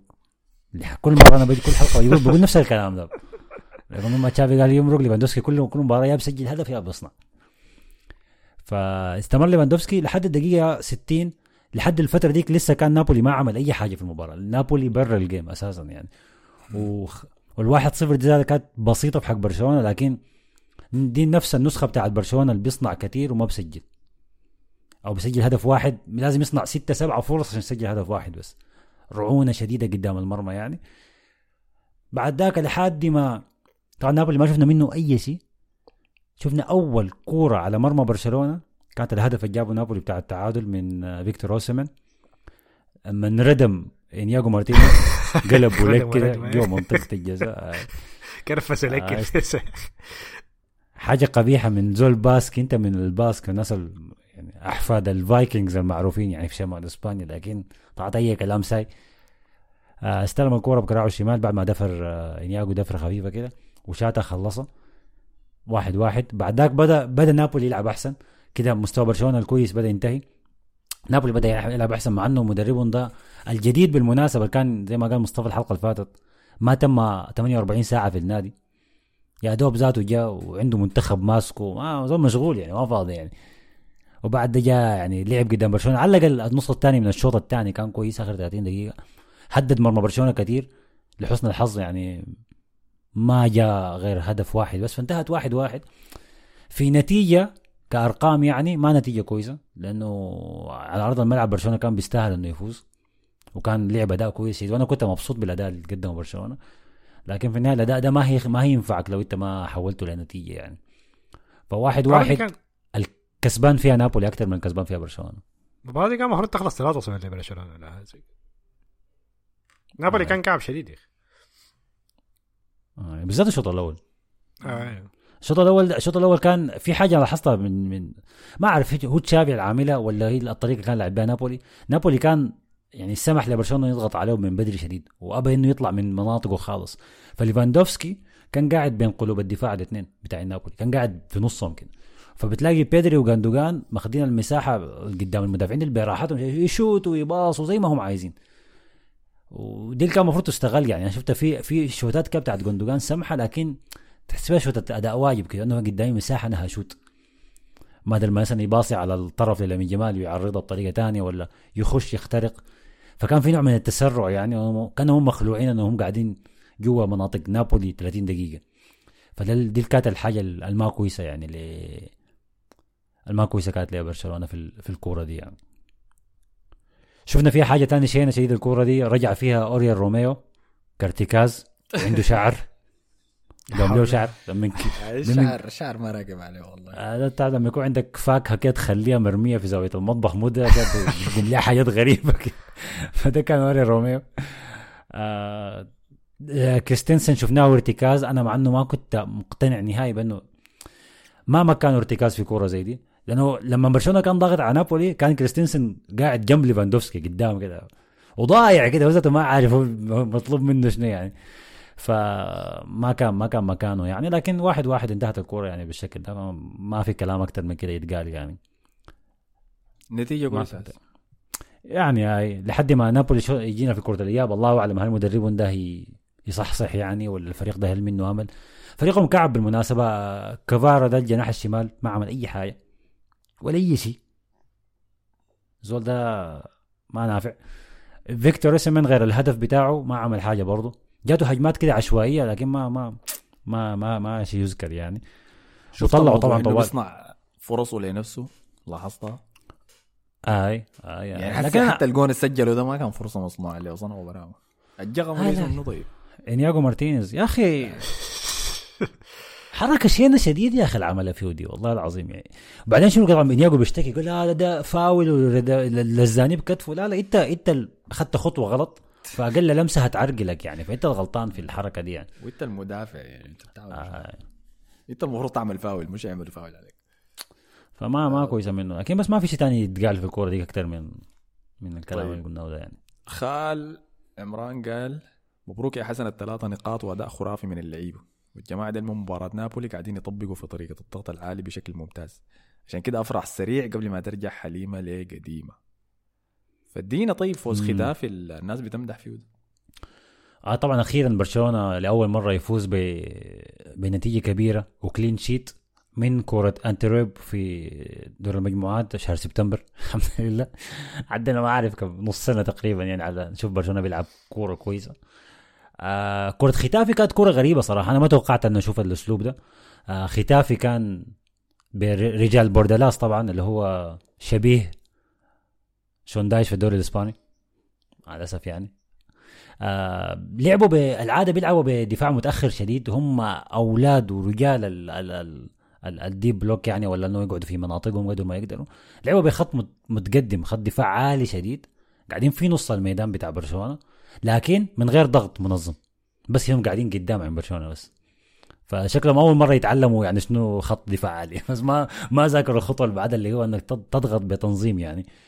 فدي برشلونة استغلها ولاحظت إنه يمكن ممكن ادي ال- آه، لشافي لأنه قرر الحكاية دي كويس. قلنا ليفاندوفسكي كان في كره نابولي قاعد بينقله بدفاع آه، نابولي في الكورة دي ليفاندوفسكي كان بينزل كتير قريب للارتكاز بتاع برشلونة عشان يسحب المدافعين. وأول ما بينزل بتلاقيه بيأشر لرافينيا. طبعا العايد من الإصابة. لسه حلاقته شينة شديد. لابس ربطة كده في راسه تقول ما خدها من مرته حاجة ما أعرف ما ما راكبة عليه فبيسحب المدافعين. ليفاندوفسكي بيأشر لرافينيا. خش انت جوا. والكرة بتمشي لكوندي وكوندي بيرفعها من فوق المدافعين. فشفنا اللقطة دي قريبة الأربع مرات في الشوط الأول. آه رافينيا جاب هدف الأول منا هدف ممتاز. انطلاقة كويسة منه. استلم الكرة كويس. وخلصها بطريقة كويسة شديد. فجاب الهدف الأول. لكن مع الأسف آه عادة طبعا حريم عادات القديمة زي ما بيقولوا اللي هو رافينيا لازم لازم يضيع. فالكرة دي جاته تاني من كوندي أكثر من مرة. نفس الحاجة يعني نسخة طبق الأصل. مرة مرة ك- ضيق على نفسه للزاوية شتها باليمين ووقع. مرة باصاها لفيليكس باص كعب شديد. ومرة اتقطعت منه. فما كان ما كان يعني ما كان في تخليص لل- للفرص السهلة دي أجت من أجت في الشوط الأول دي بالذات يعني من آه، من رافينيا يعني فدي أنا هلومه عليه. آه، ده كلام كان زي فيران توريس برضو قال رافينيا رغم الأداء جيد لكن الزول ده ما بيمر واحد على واحد. الثاني عندك التصافي قال مباراة رائعة ضد ختافي وتألق من رافينيا وشتيجن وحضور ممتاز من ديونج في وسط الملعب. وصراحة مباراة غير عادية أمام رجال بوردالاس مم. عدولة قال لك رغم إني برشلوني لكن خايف لكن شايف إنه الفوز على ختافي خادع. وأحمد عجب الدور قال نازح بيسمعكم من شمال كردفان بستارلينك. الساعة ب 5000 برشلونة بمستوى ده لو نزلت لنا خماسيات أنا وأسامة وخالد وسليمان لو لعبنا عليها ضغط عالي بتبكي لنا. زايد أنا دافع 5000 تاني ذكرنا. أنا دافع 5000 عشان أعلق لكم. والله ما تقروا تعليقات ابني يختلف شكرا لك حبيبنا يا حبيبنا أخي. أحمد عجب منورين الناس طيب. كردفان كلهم يا أخي. آه الأداء مباراة خادع. منو؟ الأداء خادع أيضا اللي لأنه ختافي كان كعب واستمر إنه سيء يعني المباراة كلها. آه، والثلاث أهداف الجاية الجات برضو كانت كويسة صراحة. برضو كلها الدفاع مكشوف. شفنا كريستنسن بقى جناح يمين يعني من من سوء دفاع ختافي. فجات أهداف أكثر من كويسة. آه، فدي حاجة. حاجة ثانية ختافي دا- دارميان سواريز يا مصطفى باعه. خلاص. أو فسخوا عقده. اللاعب الارهابي بتاعهم ذاك بتاع دق مشاكل الظهير اليمين. آه فسخوا. كما يجب. آه، فسخوا عقده في نص الموسم. فدي سهل على برشلونة. في حاجة ثانية أول مباراة للأمين جمال ما يلعبها. خالص ولا في الدكة. الحمد لله. والشكر. وطلع السبب إنه يا كما يجب. طلع السبب. تخيل ما أعتقد ده قرار تشافي لكن مصطفى. طلع السبب إنه كان في كان في إجازة رسمية للأطفال في المدارس الخميس والجمعة والسبت. فكان ضمن الإجازة دي. لكن الطفل الثاني اللي لعب اللي هو كوبارسي قلب الدفاع المتألق جدا ب 17 سنة. اللي ردم جرين وود ردم كل. كل مهاجمين ختافي. أي كورة فوق هو بس بينطوا بيردمك كده معاه وبيستلم الكورة كويس بعدك بيحركها لقدام يعني واثق من نفسه. شديد الشافع ده. فدي برضه كانت حاجة كويسة. آه حاجة كعبة شديد شديد جواو فيليكس. جواو فيليكس مع إنه جاب هدف. لكن أي لقطة تانية لما الكرة ما تجيو لما مثلا الدفاع ختافي ينكشف والكرة الطويلة ما تتلعب له بتلاقيه في آخر الشاشة كده بيقعد يكورك بت- بتنهر. باصوا لي يا أخي أنا كنت براي هنا وما عارف شنو. يجوا باصوا له الكره اللي بعدها يضيعها. الكرة الثالثة ما يباصوا له يا باصوا لي يا أخي قاعد براي. الشك والشينه ديك وحركة لوكاكو بيديهم دي أنا جاي أنا فاتح لك بيجاي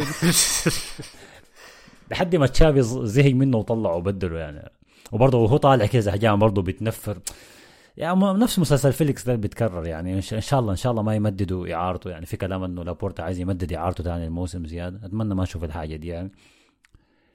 آه بس تقريبا دي الحاجات اللي حصلت في الكورة دي. 4-0 نتيجة كويسة يعني. فيرمين لوبيز جاب الهدف الأخير. الجاي ضد منه كورة برشلونة القادمة. أنا أشوف عليك لا حول ولا قوة إلا بالله. الكورة جاية ضد أتلتيك بالباو في السان ماميس لا حول واحد من أصعب الفرق في ملعبه الموسم ده.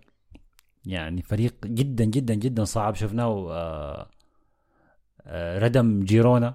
غلب جيرونا. أول فريق يغلب جيرونا برا ريال مدريد هو كان أتلتيك بالباو آه، غلب بيتيس. أعتقد برضه غلب أتلتيكو مدريد. اي أي فريق بيمشي السان ماميس ما بيطلع فايز. آه. وطلع برشلونة من الكاس طبعا. الحاجة. الوحيدة الكويسة الحمد لله. لعبنا معاهم أول جوله الحمد لله برا ملعب. غلبناهم 1-0 دي- خرجنا سريع. دي أحسن حاجة ممكن تحصل أي زول نلعب مع أتلتيك بالباو بدري في بس الحاجة الكويسة في مصلحة برشلونة انه إنه أيوه نيكو نيكو ويليامز الويليامز الكويس فيهم. اطرد الكرة اللي فاتت كرة الدوري اللي فاتت. اشتغل مع الحكم وصفق للحكم في وشه فالحكم طرده. وعندهم برضه قلب الدفاع بتاعهم غايب فممكن دي تكون حاجة ممكن تكون حاجة كويسة لبرشلونة الله أعلم خلينا نشوف فما حيلعبوا ما مباراة في شيء. يوم الخميس ضد أتلتيكو فدي آه عندهم كرة الكاس مرهقين. أي. آه. يجيبوا احتمال. مصلحين ديل ناس الباسك ديل ما ما عندهم حاجة اسمها مرهقين شفت أي شيء إلا مرهقين ممكن ما يلعبوا كورة على الوطا كويس ممكن أي حاجة لكن مرهقين دي ما ما في قاموسهم يعني فهنشوف. هي دي اللي حتحددها هي إذا أنتوا لسه معشمين في ال- الدوري فنشوف والله ما. نحلم يا أخي الجولة الجاية مهمة شديدة. إنه في مباراتين تانيين. في مباراة اتلتيكو في ريال مدريد برضه مباراة صعبة الأسبوع الجاي. طيب خلينا نجيكم. يلا يا مصطفى. ادينا شايفكم غلبتوا إشبيليا 1-0 ومودريتش كان نقطة حديث يعني في المباراة دي. أنا ما أعرف الحاصل شنو. ورينا. أنا عشان انتقدت الإسبوع اللي فات جارة سب عليه يعني جا- رد عليه في الملعب. آه قبل ما نخش في المباراة ذاتها كان كان في جوطة قبل المباراة. انه إشبيليا اشتكوا. طبعا من بداية الموسم ده ريال مدريد بينشروا قبل كل مباراة أول ما يعرف الحكم شنو طوالي بيريز بيضرب ال video editors بيقول له اسمع اعمل لي compilation سريع كده للحارس الحكم ده. فبيعمل لهم فيديو كده بيخطوا كيف غلطة كل الغلطات التحكيمية للحكم ضد ضد ريال مدريد. من بداية الموسم بيعملها. كل ما تظهر كده فترة كده أي قرارات لريال مدريد يمشي الناس كلها بيشتكوا. آه عاين بيجوا يعملوا فيديوهات. لا من بداية الموسم قاعد يعملوا حاجة. فاشبيليا اشتكوا من الحاجة دي؟ الليجا ذاتها اشتكت من الحاجة دي.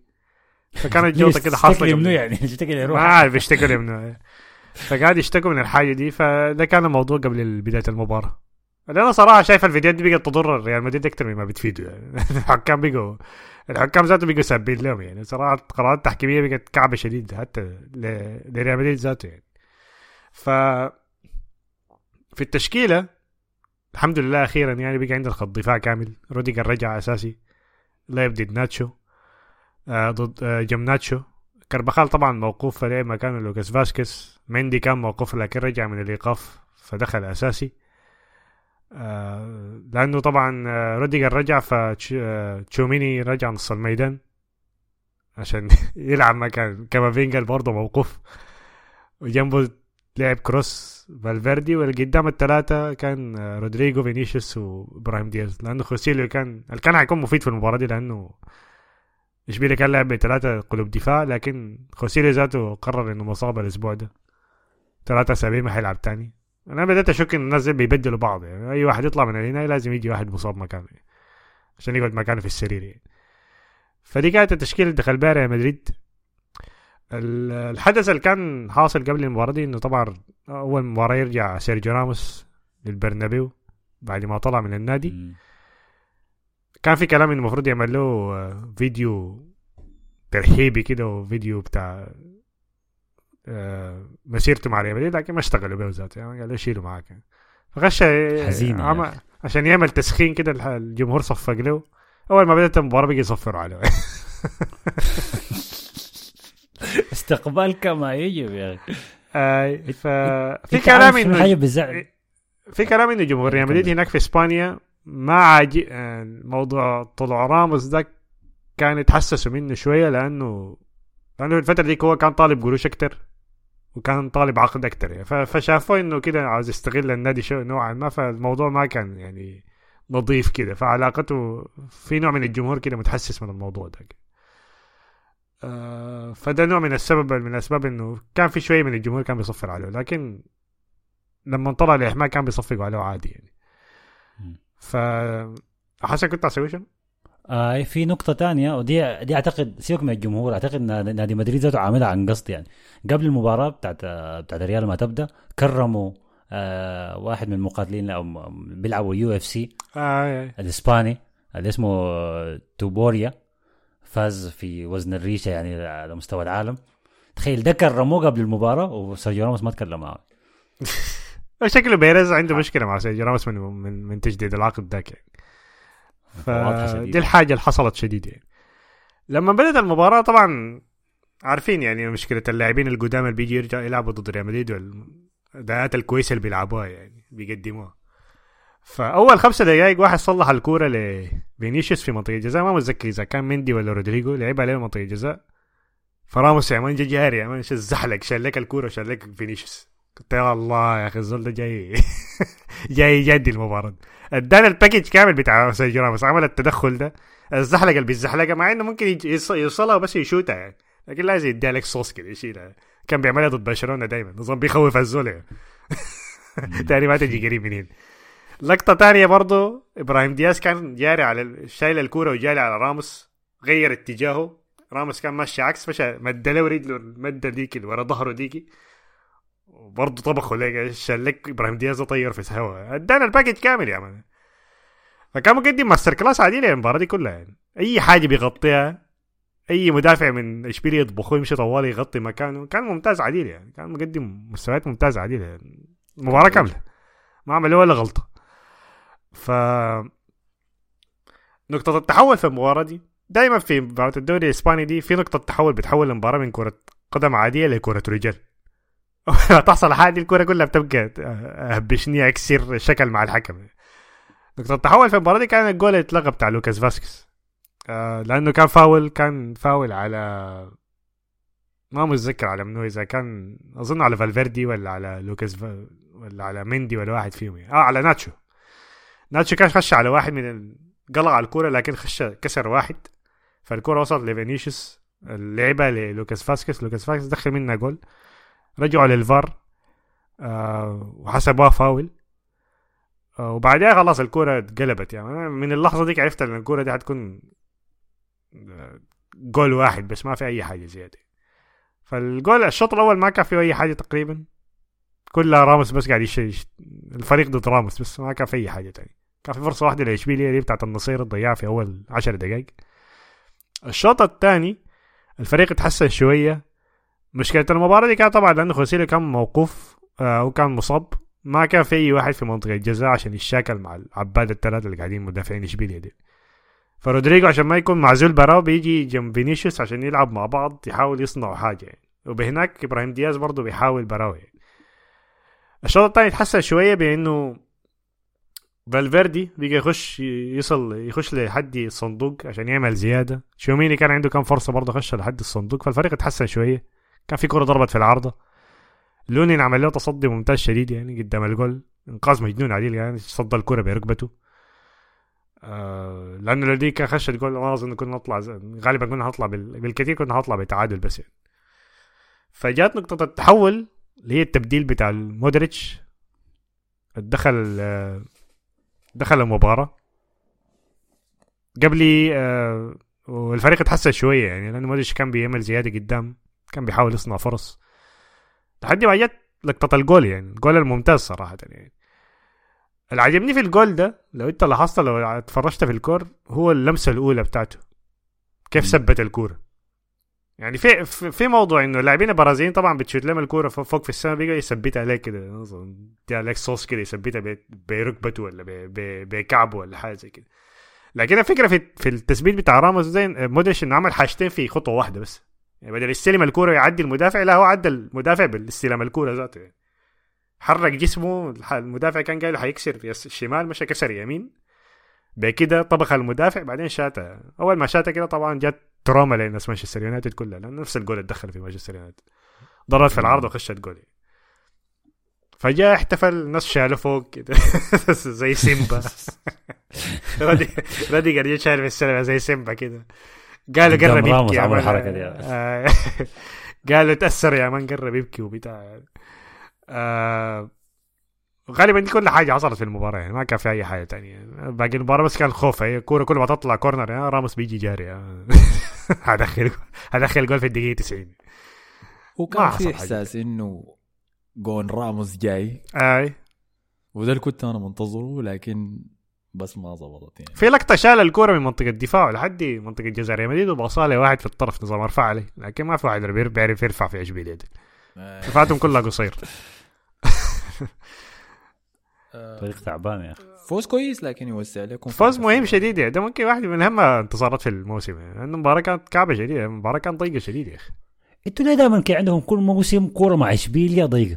دائما. ما كوركم مع اشبيليا الأخيرة دائما بتكون صعبة مهما. كان اشبيليا كعب ولا كويس. والله يا أخي ما ما أظن كورة اشبيليه آي. بتكون تذكر عندكم الريمونتادا ديك الريمونتادا اللي عملتوها على اشبيليا. آه، دي قبل. سنتين اي لكن دي برا ملعبنا آي. كمان يعني. الكرة فيها. البلنتي ديك بتاعت اشبيليا اللي كنسلوا. هدفكم جاوا بلنتي لاشبيليا غلبوكم آي. فيها دائما كوركم آي. صعبة معاهم عارف ديك ده. ضيعت الدوري هم في المركز ال 15 فريق تعبان شديد اشبيليا الموسم. لكن جابوا آه، آه، كيكي سانشيز تحسه ممثل. يعني. آه، ما احسه مدرب احسه المفروض يمشي يمثل ولا حاجة قال لك راعي بقر هو كان بيراعي البقر. وكله فراعي الرحمن. بقره ده ستيان عبد الرحمن نادر قال لك مندي لقى نفسه ختم فنون الظهير قال خليني أبقى مهاجم وفي لقطة غريبة جدا فيني يسدد والحارس يصد والكرة تجي لمندي جاهزة وبتقول له شوت ويجيب الجون يقوم مندي باصي لكروس آه، ديك بالغ فيها ذاته كروس ذاته تهجم man. الكوره دي باص عليها داير يديكم صوص فهمتني. ما بتتوقع حركته الجاية مني. وبالنسبة لجون مودريتش الصادق المدريدي قال الدقيقة 75 لوكا مودريتش يشارك كبديل دقيقة 81 لوكا مودريتش يسجل هدف الفوز. ومرتضى قال ما عشان مودريتش جاب جون ونهى الكورة دي بس يا مصطفى. ما صح إنك تنتقد مودريتش. يا أخوة كفى ووفى مودريتش يعمل اللي في باله بس لأنه عمره ما كان عايق للفريق. فوقف تهاجمه. أنا ما هاجمته يا جماعة أنا شايف إنه ما المفروض يبدأ أساسي بس يعني. هو براو قال بداية الموسم أنا محتاج العب عشان يكون عندي استمرارية فالحاجتين دي ما ينفعوا مع بعض لو هو بيقدر يدخل كده كل مرة يعمل ال... لأنه لما دخل قدم مباراة ممتازة. لو بيقدر يعمل كده أنا شايف أول خيار يكون أو أول ولا تاني خيار يعني سيبايوس ما أقدر أشوفه تاني في الملعب ده ذاته ما أقدر أشوفه تاني سيبايوس ده أشوفه ممكن بعد سنة ونص لأنه جددوا له السنة الموسم ده فحسي مرتاح هو أخذت التجديد بتاعي فهيكون مصدي الحاجة دي بشوفها كتير يعني. لوكاس فاسكيز نفس الحاجة لما جددوا له عقده ثلاث سنوات حكايه بتاع السنة ونص الزول ده بيقدم زبالة مستويات زبالة كده كل ما يلعب يعني. لحد سنة ونص كده آه، لازم أرفع قيمتي السوقية عشان يجددوا لي عقدي يا أمشي فريق انت, كويس. انت منتظر عقده ده يقرب يخلص آه، عشان يلعب. لأنه لوكاس فاسكيز خلاص عقده هيخلص الموسم ده بس قلب كافو مرة ثانية وسامي مصطفى قال لك الشاب مودريتش يبدع ويمتع وتوني كروز ده والله مبالغة. الواحد ذاته ما عارف كان حيعمل شنو من غيره دائما وابدا هلا مدريد. توني كروس مجنون يا أخي مجنون والله يا أخي متعة عديلة الزول ده يا أخي مبالغة يا أخي. في لقطة كده طبعا في واحد من التعليقات لما أخذ إنذار آه لأنه الشاكل مع الحكم. الحكم ده. واقف هنا. واقف أقرب من أي لاعب تاني. أقرب من أقرب من اللاعب اللي كسره ذاته يعني حسبوا عليه فاول. فكروس جاي يخش على الكوره والكورة عند واحد من لاعبين فالنسيا فعاوز يكسر يعني. فعمل نفسه عاوز يكسر بعدين سحب نفسه. داك يا ما نمشي مد رجلك وخش فيه وتقلب فكروس عامل كده حتى رافع يدينه يعني زمان ما حابش. الحكم ده قاعد كده بس. الحكاية بتاع السنتيمترين الحكم قال فاول كروس قال لا قاعد يسب يعني يضرب في الأرض وش. حصلت مرتين بس في كروس جرى يا مدريد نفس الحاجة دي برضه فاول مت... ما كان فاول ذاته برضه كان في مباراة كاس قبل سنتين. اللاعب جاي لافه كده كروس ده قاعد بعيد. داك ما عارف الكورة زحت منه شوي طوالي سبح عليك في الأرض. طوالي حكم تجي طلع لي الكروس قرار غبية غبية شديد يعني ما أعرف اداء انذار كيف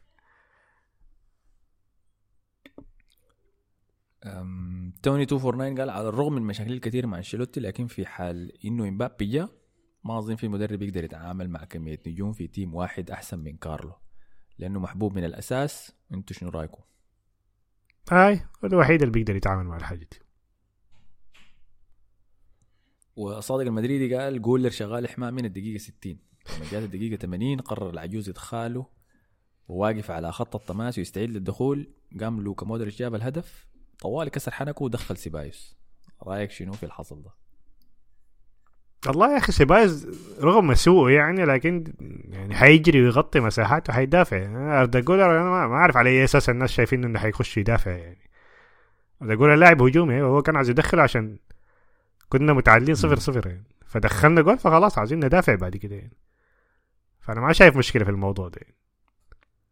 على سوء حظ بس جولر ده لو جات مباراة سهلة كده فزنا دخلنا ثلاثة أجوال ممكن يدخلوا بعد بعد كده ممكن ننتقده ليه ما دخلته يعني. لكن المباراه كلها ضيقة ال- الوقت ده.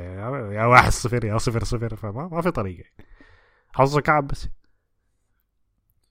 دي كان كل التعليقات عن ريال مدريد كده خارجية كان في المباراه الحكم جاته إصابة يوم شد عضلي مش بدله في نص المباراة الأسبوع ده أسبوع إصابات الحكام. برضو الحكمة حقت الراية حقت كورة بيتيس وبالباو ضربت في الكاميرا. وش دم وشها كله دم؟ وما أعرف. شنو. طيب خلينا في تعليقات خارجية. يلا جاهزين؟ في واحدة سريع قبل ما أخلص. في مباراة بس كنا عايزين نهبش عليها بتاعت أتلتيكو وإنتر. ما كان حصل فيها حاجة صراحة يعني. آه... أرناتوفيتش يا فاز أخي 1-0 هاي آه، أرناتوفيتش يا أخي. أسطورة أست- ستوك سيتي. جاي دخل جول ما أعرف جابه من وين الزول ده. فدخل جول. آه، إنتر كان المفروض يفوز باكثر صنعوا كمية فرص. والله ما حسيت بصنعوا فرص كثيرة صراحة. المباراة كان ضيقة شديدة يعني. فرصة لأوتارو ديك اي ما لو تارو بيضيع يعني كما يجب. يعني. زعلني حسن قال لنا ده. هذا يستنون مهاجم. يستنون دخل 20 جول. والله زعلني يا أخي. خذلني شديد يا أخي الكورة. يعني أنا داير أتلتيكو يفوز لكن خذلني شديد لو طار جريزمان جاته مدثر عمر إصابة. قال. مدثر عمر قال أتلتيكو بعد الجدول المضغوط اللي فيه مباراة كل يومين ثلاثة آه، أتلتيكو بعد الجدول المضغوط اللي فيه مباراة كل يومين ثلاثة وكلها صعبة قدر ضد إنتر يلعب مباراة كويسة. وطلع ب 1-0 بس وإنتر ده في الأياب حيتردم زيه زي الريال. مباراتين صعبة ده أفضل أفضل فريق في الأبطال يعني. ما يتردم. والله أنا ما شايفه أحسن فريق يعني ممكن أحسن فريق تكتيكيا لكن ما شايفه أحسن فريق. ما كان اداء كويس ابدا ضد أتلتيكو تكتيكيا يعني آه. ما كجودة لعيب. الحاجة اللي بحترمها أنا في الفرق الإيطالية إنه لسبب ما المدربين بتاعهم ما عنده مشكلة يسحبوا أحسن لاعبين يعني. يعني أنا في مباراة نابولي ديك لما سحب أوسيمين أنا قلت له شنو العبط أنت عندك شنو يا مان أنت التاسع في الموسم نفس الحاجة إنتر يعني بيسحب لك بيريرا لوتارو تخارج تورامو تخارج كله. دي حاجة بحترمها في في في في, في, الفرق- في الفرق الإيطالية ما أعرف بيعملوها ليه لكن حاجة تحترم فيهم يعني. طيب مصعب نيمو قال بودكاست دافوري وقف معاي كما يجب في رحلة مسافة ألف كيلو من بنغازي إلى طرابلس واستمروا على المزدوجة عشان توفر لك وقت وعشان الحرب. الحمد لله على سلام السلامه السلامة يا أخي. shout out مصعب يا أخي ده زولنا طولت أنت كنت ما كتبت تعليق. أنا كنت هديك كارت أصفر أول والله. كويس كويس. اتداركت الموضوع.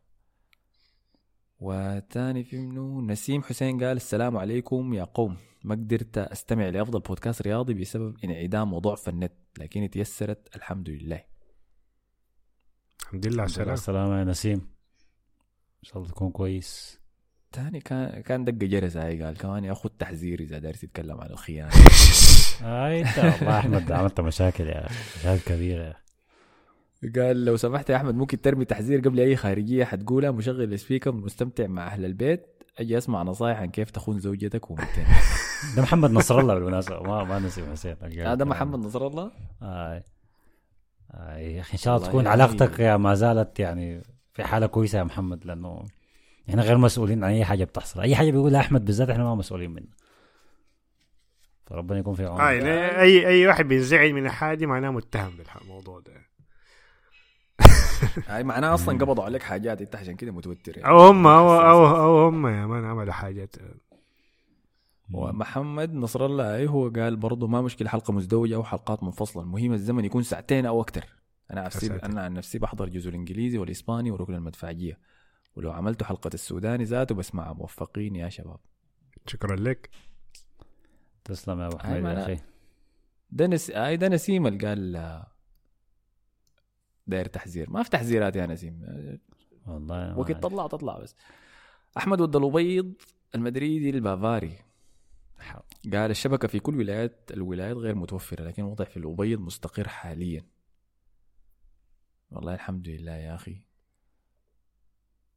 ومستمع مجهول قال اعملوا خيار بحث بالتاريخ أو اسم الحلقة عشان الناس الجديدة تقدر تلقى الحلقات بسهولة. خلاص أبشر أنا كتبت الحاجة دي يا مستمع. وحاشتغل عليها حاضيفها للموقع معتز مفيد قال بالنسبة لدافور الإسباني بحضر الحلقة كاملة بدون ما أحضر المباريات وأنا في الإمارات العين بسيب الحلقة لأي مشوار بين المدن. وسمعت الحلقة وأنا ماشي ديت الحمد لله كنت براي. ديت في العين؟ يا مان ده لو واحد لو واحد شافك يا مان لو واحد شافك خلاص البلد دي كلها تعرف موضوعك. ده عندي انتبه يعني. ضيقه شديدة. ما كعبه ما تخش يعني. أنا ما أعرف الناس بيحبوا العين شديدة يعني الناس السودان فيها حاجات شديدة يا ناس دار أقول ليه حتكلم أنا يا مان. الناس دي كلها هذا قبائل. ساكت، هذا ساكت. زحاني يعني زول ده في قطر يا زلمه ما تسال ما لي دخل. عبد الرحمن مجاهد قال شباب نحن أو نكره حلقة الإسباني لأنها سيئة ولا كعبة؟ لا كمان والله قاعد أسمعها. لكن عنصرية بس عايزين حق الدورين الأفضل والأمتع براها. كما يجب. ده المطلوب أصلا يا عبد الرحمن. مزدوجة برضه ارحها هتعمل شنو؟ وأمير بابكر قال خبر مفرح. عودة العلاقات مع حسن بعد ما تكلمنا وبقى زولي شديد. ولا عزاء لمحب الرجال اللي ما عايز أقول اسمه طبعا أحمد الفاضل. وقال لك عليك الله يا مصطفى أقعد الساي داير تعلم أحمد فرنسي هو نحن بالعربي بنفهمه بالجلالة.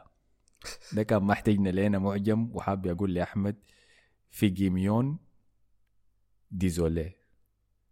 يعني شنو في حتى؟ والله ما أعرف قاعد في كندا. الامير ده قاعد في كندا يا زول يكون قاعد جنب كيوبيك ولا شنو الفرنسيين آه. كلهم ده بلده والله تطلع شتيمة بجيك يا أمير عندنا لكم آخر خارجية نحن ممكن نختم بها الحلقة تم رسميا إعلان السجن أو قرار سجن دانيال ألفيس لمدة أربع سنوات بسبب قضية ال- الاعتداء الجنسي اللي حصلت في برشلونة في أحد الملاهي الليليه في برشلونة بعد كأس العالم بكم يوم. فقرروا عليه سجن أربع سنوات وغرامة مالية 150 ألف يورو. ولكن قال المحامين بتاعه قالوا لازم شادين حيلهم قالوا دارين يطلعوا يعني من السجن. قبل كنت قاعد أسمع لاعب جديد يعني في. بودكاست ل Managing Madrid كان بيكتبوا مقالات فجاء اعتذروا يا man إنه شبهوا شبهوا واحد من اللاعبين بدانيال الفيز ولا شنو؟ انت شنو العبط ده يا man؟ انت بتقارنه بكلاعب. أنا ماليهم الاغتصاب مم. ولا عمل شنو؟ تقارنه كلاعب انت. أنا حزينة بالنسبة لي يا أخي لأنه كنت دائما دائما دائما لما أجي أعمل أي مقارنات عن اللعيبة البرازيليين وأنهم لعيبة غير محترفين وبرا الملعب ما أعرف شنو والعدو الأول للاعب البرازيلي هو الليل وبعد الساعة 12 ده العدو بتاعهم. بقول إلا داني ألفيس داني لاعب محترف وإما بيمشي ما عنده مشاكل مركز في كورته بس. ما شاء الله لعب لحد عمره 41 سنة. ليه الناس دي ما كلها زيه؟ جاء في النهاية ختم مسيرته بأكعب حاجة. أكعب حاجة ممكنة يعني. أظن عندك مثال مارسيلا يا زلمة ما عليك خلاص ما- مارسيلو كسر له كرة لاعب في كسرها كده. لا هذاك بالغلط في الملعب دي. آه، حزينة حزينة شديد يعني. لكن في عندنا يستاهل. تعاقد جديد لكن كده لتشكيله السجن ها؟ نعم أكيد. الظهير اليمين جاهز يعني. طيب على النقطة دي شكرا لكم على حسن استماعكم. الأسبوع الجاي آه، في مباريات كاس منتصف الأسبوع ما عندنا لا حاجة دي طبعا. كنا نجيكم الأسبوع الجاي بعد مباريات الدوري كالعادة. شكرا لك يا مصطفى. شكرا لكم. شكرا لك يا حسن. العفو. شكرا لأي زول أخذ وقت وكتب تعليق. في الحلقات. وكالعادة أكتبوا تعليقاتكم في أي مكان SoundCloud ولا يفضل في موقع دافوري. في تعليقات كمية كان صراحة جات لكن بس ما كان عندي وقت عشان إيه، أمر عليها كلها يعني. بس ما تخاف أنا قريت كل التعليقات. لو ما حصل لك الأسبوع ده الأسبوع الجاي برضه موجودين. ما ماشيين حتة هنا تمام. بنشوفكم حلقة الأسبوع الجاي. السلام عليكم. أسمع بودكاست دافوري على SoundCloud يا ناس.